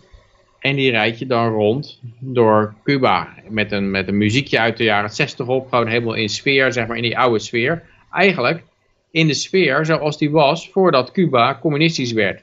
Toen, Ja. daar nog, toen, het, toen Havana de plaats was waar je ging partyen, zeg maar. Net zoals Ja. Casablanca. Casablanca, Havana, dat was iets waar de, waar de, de, de, de, de, ja, de haute couture gebeurde. Waar de, Mhm. de, de, de, de rijke lui een beetje eh, liepen te flaneren. En, aan de Malakon. ja. En, en die tijd, dat is, dat is nog een beetje de, de glorietijd. En dat, Ja. en dan rij je zo'n auto rond en zo'n muziekje erbij. En, en die Boca, beetje- Boca Covena. Ja. The club that you see in left of Havana. En het mappe is dat zo'n figuur die sleept dan geloof ik 25 dollar voor een uurtje binnen of zo. Wat daar een astronomisch bedrag is natuurlijk. Dus die leraar Engels die zit ook wel te denken van ja, wa- wat is het nou? Ik werk, ik werk een maand voor een headsetje. En daar zit iemand die voor 25 dollar in een uurtje verdient. Zeg maar. Nou zitten er natuurlijk nog ook kosten bij dat zo'n auto onderhouden en in de lucht houden. Dat is nog niet makkelijk. Eh, eh, eh. Er zal wel wat bij komen kijken. Maar er waren er toch aardig wat. Die, eh, die, dat was hun hele verdienmodel. Eh, volgens mij kun- kunnen die daar de eh, drie families mee op de benen houden. Als je daar eh, met zo'n zo'n ding rondrijdt voor toeristen. Ja. Volgens mij is eh, Lucas eruit gevallen. Ik denk dat de batterij van zijn mobiel leeg was. Nou, we zijn er bijna aan het einde, dus ik... ehm, kijk, eh, we hebben nog even Joe Biden en zijn zoon. JP, JP zegt Michael Moore is een rubberboot. Ja, ja, ja, ja. ja. Maar ik denk niet dat hij gaat blijven drijven als je hem in het water gooit. Ik vind dat heel veel haaien wel, eh, wel brood in hem zien. Maar Ja, Joe Biden... dit is een valstrik. Dit kan, zo goed kan het niet zijn. Nee, nee, nee. Ja. maar goed. ehm, Joe Biden heeft een briljant idee. Wat zal dat zijn? Eh even kijken, Critic Slam. eh, even kijken hoor. Eh, de, de plan to... Oh, ja, ja, ja. Joe Biden wil tekstmessages, dus sms'jes, eh, voorzien van eh, misinformatieberichten. Dus mocht jij een, eh, een sms sturen over, eh, over eh, corona of over vaccins en het is niet in lijn met eh, wat eh, de heersers willen, dan kunnen ze het vo- voorzien van een fact-checker melding of zo. Ja, dat is het briljante idee van Joe Biden. Ja, het is toch wel, het is toch wel vreselijk dat ze. En ik, ik las al meer dat ze. Dat ze direct messaging willen gaan censureren. zeg Maar dat je, dat, dat, het is zo, die linkse figuren die kunnen ook niet tolereren dat er ook maar ergens iemand communiceert. Iets wat buiten hun verhaallijn zit. Dat kunnen ze Ja. gewoon niet hebben. Dus ook in direct messages moet ook allemaal onder hun controle staan. En eh, hun verhaallijn moet daar eh, gepropageerd worden. En nu dus ook eh tekstmessages moeten gewoon gemonitord worden. En eh er moet misinformatie aangepakt. En ja, je had dat gezien, dat bericht op Facebook van... eh, als je alleen een fotootje postte met, op Facebook met een, een grave, met zo'n zo'n ja, begraafplaats voor elektrische auto's. Er stonden helemaal vol overwoekerde elektrische auto's. En je had ik had alleen boven gezet, waar is dit? Of wat, wat, wat, waar is wat zien we hier? van? Wat zien we hier? Dat was Ja, wat zien we hier, ja. En dan krijg je een label eroverheen. Ja, je hebt misinformation gespread. En, het, en dan kijk je dat artikel wat daarover gaat. Daar staat dan in van... Ja, deze foto is verspreid met het bericht eh, dit zijn eh, een mislukt groen autoproject in Frankrijk. En, en omdat de accu's het niet goed deden. En eh fact check vals, want het, is, het was in China. En, maar het blijft natuurlijk nog steeds overeind dat het een mislukt overheidsproject is. Ik had er niet bij gezet dat het een... Want ik vermoedde al dat, er al, dat dat niet klopte. Ik Ja. had het een beetje bekeken. Eh, Dus ik had het... De originele tekst was inderdaad van... eh, ja, dit is eh, een mislukt groen project. Van, omdat de accu's niet werkten. Ik had iets van iets met subsidie en duurzaam. Ja, ik vond het... Jouw, jouw reactie was het, was het best. Een mislukt overheidsproject. En dat, en dat blijft gewoon overeind staan. Dat is Eh, eh. nog steeds geen misinformatie. En ondanks dat dat ook niet in mijn... Ik, ik had gewoon geen idee wat het was hoor. Ik zag dit. Ik denk, nou ja, dat kan alleen maar eh, iets met subsidie en duurzaamheid. Ja, je weet gewoon dat daar is een overheid dienaar Eh. die heeft er een hele hoop belastinggeld in gestoken en heeft toen opeens dat teruggetrokken. Eh, En, en toen was het ook gelijk afgelopen, want het, was het kon niet overleven op zichzelf. Het moest overleven door subsidie en toen de subsidie weg was, was het hele project weg en werd gewoon allemaal in een weiland gedumpt. eh. Ja, ik moest denken toen ik dat zag. Ik moest eigenlijk denken aan eh, de, de, de restant van de Celtic Tiger, wat je nog wel eens in Ierland ziet. Hè? Ja, mijn moeder woont in Ierland. En als, je dan, eh, als ik dan helemaal van Dublin helemaal naar de andere kant van, van Ierland reis, dan kom je echt door oneindige groene velden. En dan staat er gewoon in the middle of nowhere, staat er een overwoekerde woonwijk. Gewoon een, Ja, oh, ja, nieuwbouwwijk, eh, ongeveer eh, tien jaar oud. Maar helemaal overwoekerd. Het, het is neer, daar neergezet, er is verder niet meer naar omgekeken. Er is ook geen weg die er naartoe gaat of vandaan komt.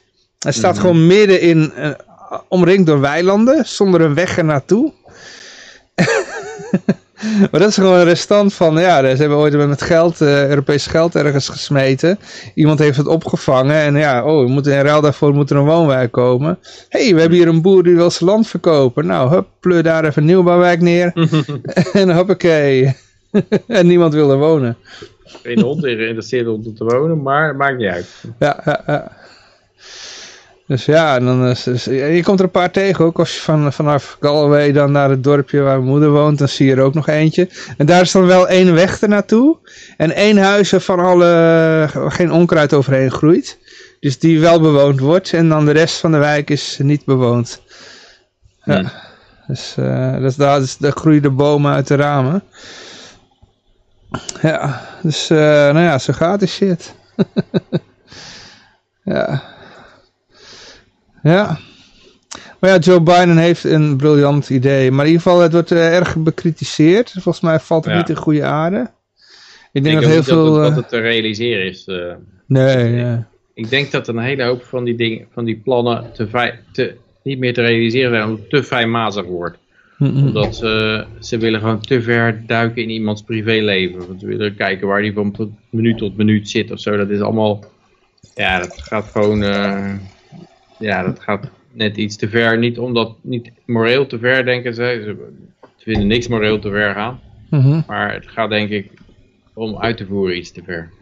Ik dacht dat mensen allemaal in de gulags moeten douwen, hebben ze er ook geen probleem mee. Maar Nee. Ja, ik denk dat dit ook zoiets van, eh, heel veel van die politici, die sturen natuurlijk ook sms'jes. En die zitten er ook niet aan te denken dat ze zometeen een, eh, ja, ze willen toch een beetje privé houden, weet je wel. Ja, en wat er ook gebeurt, de geloofwaardigheid van de factcheck gaat natuurlijk enorm naar beneden. ja, Want, want als je dat gaat automatiseren, dan krijg je van die dingen zoals, zoals bij dat plaatje dat ik postte. Dat er een bericht bij komt te staan, omdat iemand anders ooit een keer het plaatje in gepost heeft met de verkeerde tekst erbij. En, en als ze dan dat plaatje zien, dan herkennen, dan gaan ze overal ervan uit dat, het, dat, eh, dat diezelfde tekst erbij staat. En dan gaan ze dat overal maar lopen flaggen. En eh, ik hoor wat geluiden. Ik denk dat eh, Lucas eh, er weer bij gekomen ga is. verder. Ga Oké, verder. de zaak is ingestort, geloof ik. ik, ik ben er weer, ik ben er weer. Ik, ik werd eruit geknikkerd. Ja, dat ging niet mis, hè? Huh? Maar de stream die is waarschijnlijk nog dood, of nee? Nee, Nee, de stream is er wel hoor, de stream is er wel. Oh, dan ben jij, oh, hey, shit. Ja, ik ben nog even aan het, mijn, ja, kom ik weer. Eh, ik denk dat jij nou dubbel... eh, ik, ik weet niet wat er gebeurde, maar volgens mij... eh het zal wel iets met de overheid te maken hebben. Wij zeiden dingen en toen greep de AIVD Ja. in. Ik hoorde die tik op de lijn, dus eh, Hey, Lucas is er ook weer. Ja, maar wacht even. Jij bent... eh, Er is iets eh, met eh, OBS eh, nou aan de hand. Praten jullie maar even verder. Ja, wat kunnen we nog zeggen over, over het controleren van... Ja, als je dat automaat gaat automatiseren, dat factchecken van alle berichten... dan gaat de geloofwaardigheid denk ik gewoon helemaal de grond in. Want er worden ontzettende berg fouten bij gemaakt. Omdat, en en er zijn, het is natuurlijk ook heel erg biased. Want als jij wat een leugen over Trump schrijft... Dan, eh, en je zegt eh, Trump heeft eh, 300 miljoen verduizeld bij een eh, vastgoedproject in Chicago of zo. En je verzint gewoon maar wat. Dan zal dat nooit gefactcheckt worden. Het zal nooit iemand zijn factcheck vals. Want ze zitten allemaal aan één kant te werken. Als jij iets zegt, verkeerd zegt over groene energie, factcheck. Als jij iets zegt over vaccins, eh, wat negatief is, factcheck. Dus die, die kant wordt allemaal gefactcheckt. Aan de andere kant kan je ja, kan je maar zeggen wat je wilde, maar dat zal er geen, worst uitmaken. dus dat gaat, gaat steeds meer opvallen, denk ik. Plus dat geautomatiseerde systemen, die AI, die gaat ontzettend berg fout loop maken, waardoor de hele geloofwaardigheid van die factchecks de grond in gaat. En dat, dat zie je nu al gebeuren eigenlijk. Ja. Maar ja, het runs in de family, eh, de briljante ideeën. Zijn vader, zijn zoon. Want ik heb hier ook nog eh, Joe Biden. Die, eh, ja, god, die man komt op, echt op briljante plannen. En je mag drie maal raaien waar hij dit plan bedacht heeft. Want hij wilde de prostitutes unionizen. Het is Hunter Biden, geloof ik. hè? Ja, Hunter Biden, ja. Zijn vader, zijn Ja. zoon. Ja. Zat bij de hoeren en hij had zoiets. hey, hebben jullie een union? Ja, het, is ook wel het rare dat hij, eh, hij heeft al veel van die hoeren gebruik gemaakt. Eh, En, en tegelijkertijd denkt u dus, oh die worden uitgebuit, die moeten in een vakbond.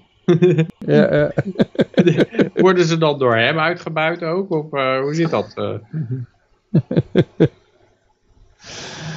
Oh, jee, jee.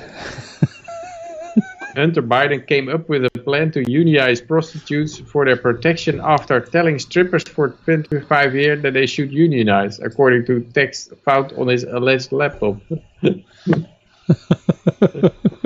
Ik vertel zo'n 25 jaar dat ze moeten unionizen, maar ik geloof dat in Amerika zijn de hele unions die zijn een beetje de grond ingegaan.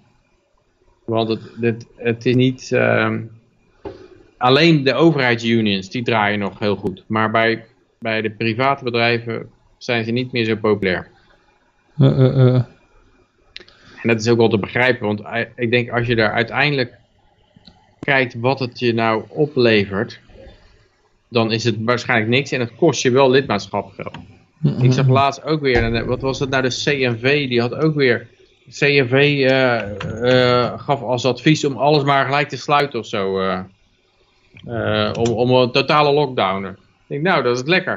Dan ben je lid van de, van de CNV en dan, eh, dan eh, wordt er gewoon even, eh, die, die gaan gewoon je, je hele bedrijfstak om zeep helpen.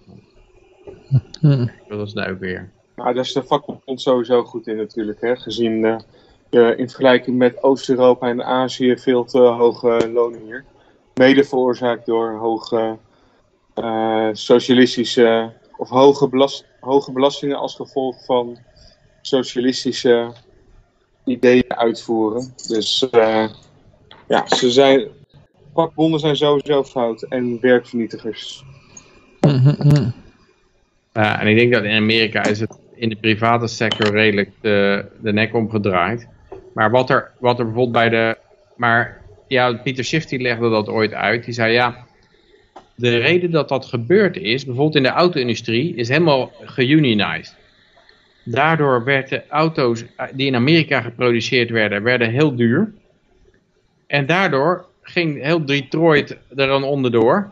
En werden de auto's vanuit Japan geïmporteerd waar dat niet zo is. Dus wat, wat je krijgt is dat de industrieën die geunionized werden, die zijn eigenlijk allemaal om zeep geholpen en vervangen door import uit het buitenland. Eh, en ja, daarom is de union in de VS niet, niet overgebleven in de private sector. Bij de overheid is dat niet gebeurd, omdat de overheid kan je niet outsourcen naar het buitenland. Dus hoe slecht de, de overheid ook presteert, het zal nooit vervangen worden door import vanuit het buitenland. Eh, hoewel, daar, daar zeg ik iets misschien te makkelijk. Misschien wordt er ooit nog, uh, het Romeinse Rijk, geloof ik, aan het einde van het Romeinse Rijk, werden de, de visiegoten ook binnengehaald met veel verven. De stadspoorten werden opengezet. Dus misschien dat uiteindelijk gewoon ook een buitenlandse overheid wordt uitgenodigd om de eigen overheid te vervangen. Omdat het moeilijk slechter kan worden dan de eigen overheid. Mhm. Ja. Maar vooralsnog heb je dus enorme unions in de, in de, in de staatstoestand zitten. In de ja, overheidsvakbonden. En in Nederland heb je dat ook overheidsvakbonden. En het, is- het, ja, ik ken iemand die zei altijd al, ja, wa- waarvoor heeft de overheid nou vakbonden nodig? Want vakbonden bestaan tegen uitbuiting. En de overheid zou je zogenaamd beschermen tegen uitbuiting. dus als je bij de overheid werkt, hoe kan je dan in hemelsnaam uitgebuit worden? En hoe kan je in hemelsnaam beschermd worden door dezelfde organisatie die je dan uitbuiten? Ja, je ziet wel dat eh, de, de overheid of ambtenaren die hebben dus bo- ja, bovengemiddelde ontslagbescherming. Hè? Het is ook echt van, eh, je hebt gewoon letterlijk gewoon corrupte ambtenaren waarvan je denkt van, hoe kunnen die daar blijven werken? Ja, dat komt door de advocabo. Dat is die, die overheidsvakbond. Die zorgen gewoon dat die mensen, eh, ja, maakt niet uit, eh, ze, stelen uit de schatkist. Ze, ze lopen met, de hoe heet het? Het, het pasje van de straatkrant, van de, ja, god, hoe heet die nou, die, die straatkrant beroveren, ken je dat verhaal nog? Ja, PvdA in Utrecht was het toch? Ja, ja, ja, ja, Bert van der Roest heette die man, nou weet ik het weer. Oh, die gast die kraan. Ja, Vist hij zo uit zijn hoofd? Die, Ja. die naam. die liep met dat pasje, liep die gewoon eh, in de kroeg, eh eh, hoe heet het, van de, de rekening van de straatkrant, liep hij gewoon eh, rondjes te geven in de kroeg. Ik geloof die Dat vier- is wel zo laag. En die man, uitbuiten. gewoon. Ja, en die, en die man die mocht gewoon blijven zitten. Hoe kan dat? Ja, maar dat, dat, is, dat komt door de Avocabo. Is die vakbond van de, van de overheid. Die houden dat soort mensen een handje boven het hoofd. Dus eh, ja. Die kunnen gewoon niet eruit getrapt worden. Dus, eh, Ja, en het is allemaal funest uiteindelijk voor zijn hele bedrijfstak. Hè? Want eh, ja, Mhm. het idee is altijd van, nou, dat is lekker, dan kan ik er nooit uitgetrapt worden. Maar ja, dan betekent dat niemand eruit getrapt kan worden. Dat betekent dat dat, er de, dat, dat, trekt, dat werkt als een magneet op de meest slechte elementen uit de samenleving. Mhm. Die daar natuurlijk dan allemaal komen te zitten en, eh, en Ja. nooit meer weggaan. En, het- en de hele, de hele dienst, eh, voor- de hele voorzieningen die storten in dan. Ja, ja. Mhm. Maar dan gaan we nog even naar eh, ja, het, komt het laatste berichtje. Epstein. Hij blijft terugkomen. Hè? Elke keer dan denk je nou, nu hebben we echt alles over die man gehad. En dan vinden ze weer wat. Eh, nou ja, dit was, eh, ging over de Sweetheart Deal. eh, met Ken Starr. Kennen jullie Ken Starr nog? Ja, Van ik, eh, gehoord. Ja, hij die, had, Clinton had hij nogal... Ja. Eh, ja dat is de openbare aanklager van... eh, Oh, Over de spermavlekken op de jurk van Lewinsky. Waar komen Hmm. die vandaan? Ja, die, eh, Cl- dit is, heel, heel hypocriet, hè? Eh, Clinton zou dan een buitenechtelijke affaire hebben. Nou, dat moet hij weten, weet je. Leuk voor die man. Maar ehm Ken Starr had dus in die tijd, bleek later, ook een buitenechtelijke affaire.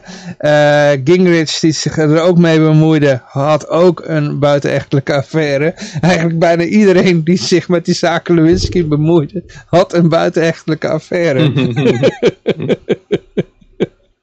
maar goed, dat is uh, typische Washington.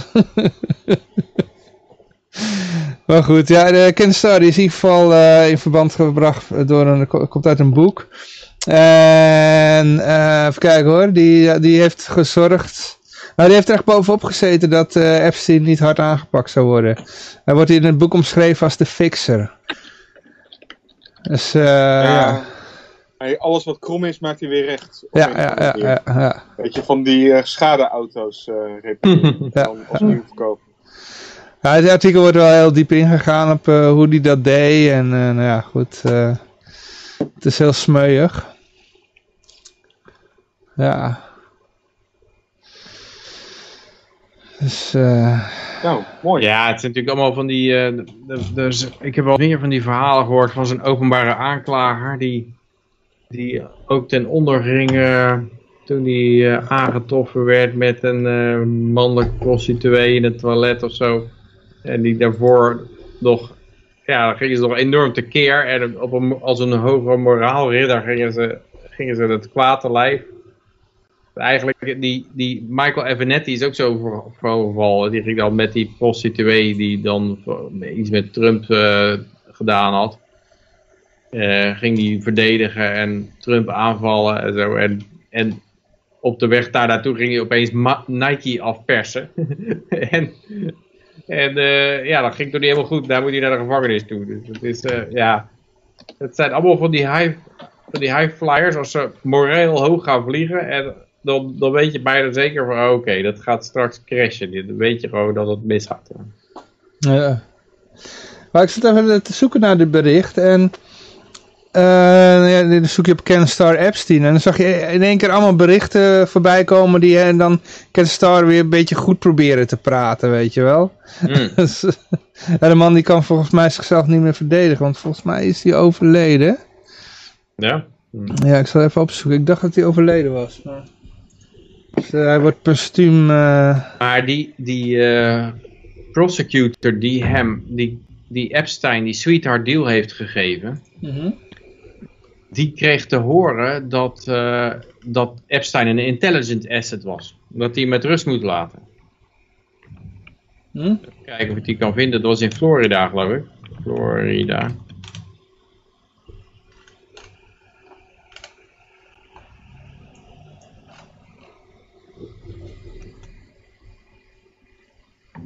Ik heb hier een kennisstaar, maar die leeft nog. Ik weet niet of het dezelfde is.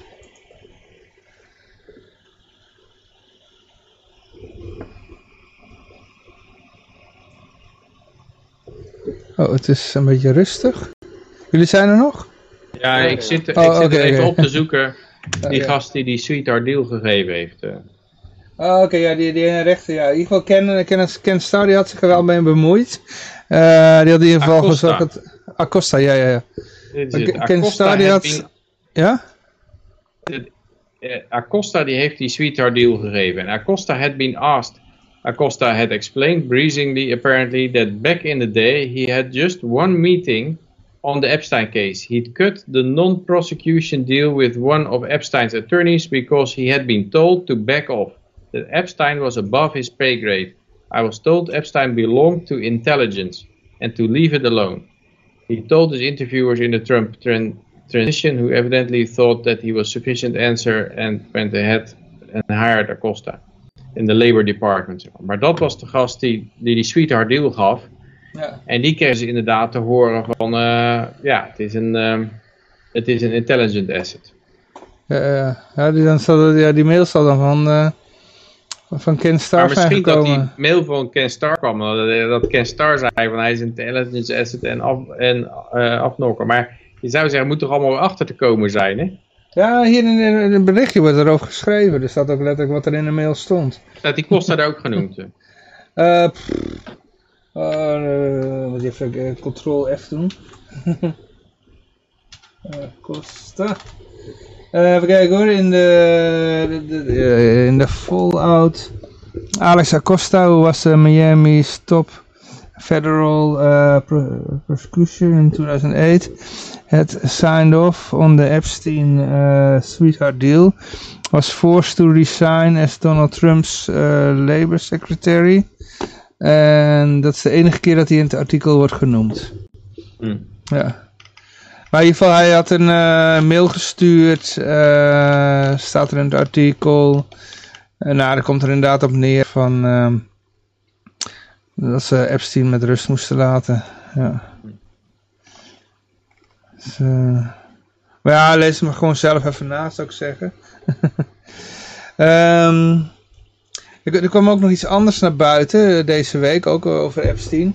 En dat had te maken met uh, de CNN uh, um, praathoofd. Cuomo. En voordat we daarmee beginnen heb ik hier een klein filmpje. Dat zal ik je even laten horen. Waarin Cuomo wat zegt over Epstein. Komt talking about Epstein. you got to stick to what is common sense on these things. All right? Don't get buried in legalese. Don't follow the finger pointing. And please don't get caught up in the intrigue of who was better friends with this guy. Who cares? Ja, jullie kunnen het niet horen natuurlijk, hè? Nee, is het dat? Ja. Nee, het was inderdaad dat hij, eh, die- nou, hij zegt van, er is niks aan de hand, daar komt het op neer. Nothing to see here.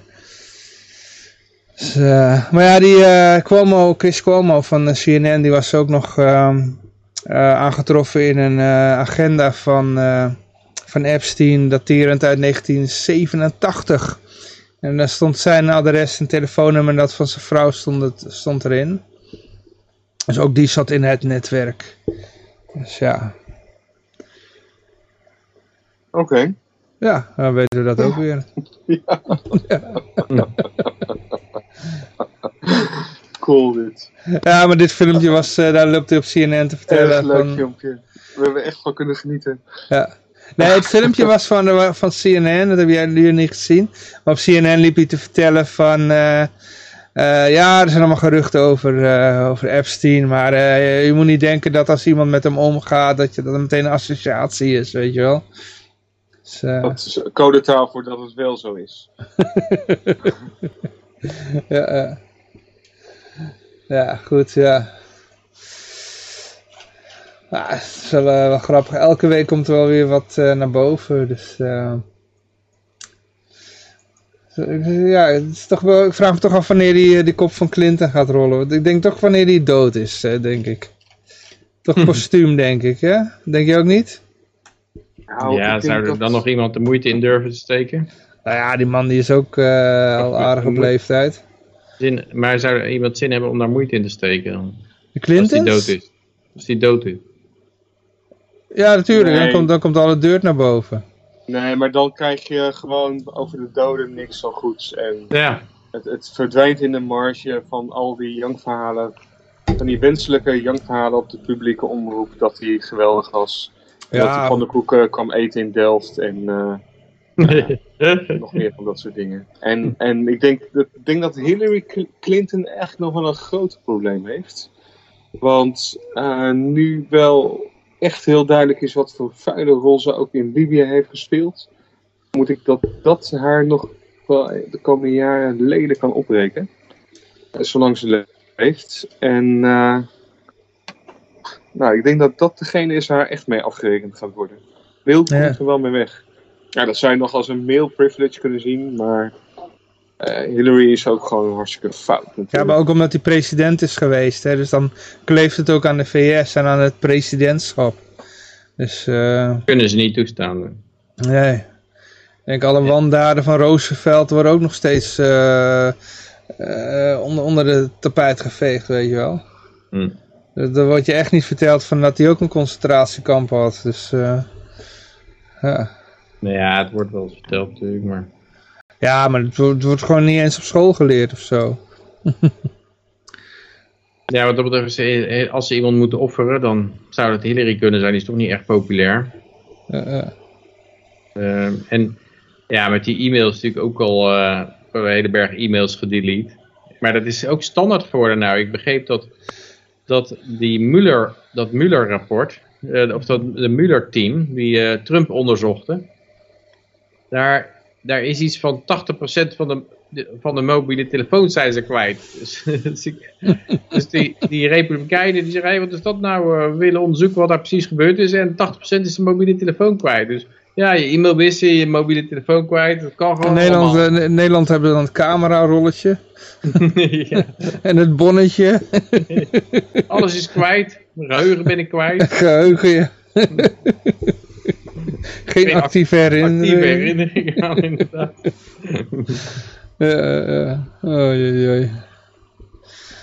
Ja, dus zo, eh, ja, zo doen ze dat. Mm. Ja. Ja, goed, ja, we zijn, ik ben door de berichten heen. Mijn glas is nog niet leeg, dus ja, als je wil, kunnen we nog even doorlullen, maar... eh, ik weet niet of de luisteraars misschien nog iets te zeggen hebben. Ik, eh, ik ga er ook mee nokken, denk ik. Ah, oké, oké. Voordat er grote activiteit in mijn bubbelbad is. Oh joh, oké. Oh ja, nee, dan... eh, ja. Dus even kijken wat daar aan de hand is.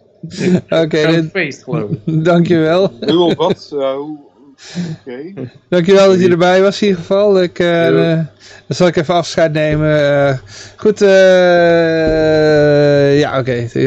Ja, dames en heren, jongens en meisjes, ik wil jullie eh, in ieder geval hartelijk eh, danken voor het luisteren. Uiteraard de, deelnemers danken voor het deelnemen. Uiteraard zijn we volgende week weer. Ik wens iedereen een vrolijke en vooral heel erg eh, vrije week toe. En ik zou zeggen, uh, toedeledokie F12, inderdaad, JP, die weet inderdaad hoe mijn toetsenbord in elkaar zit.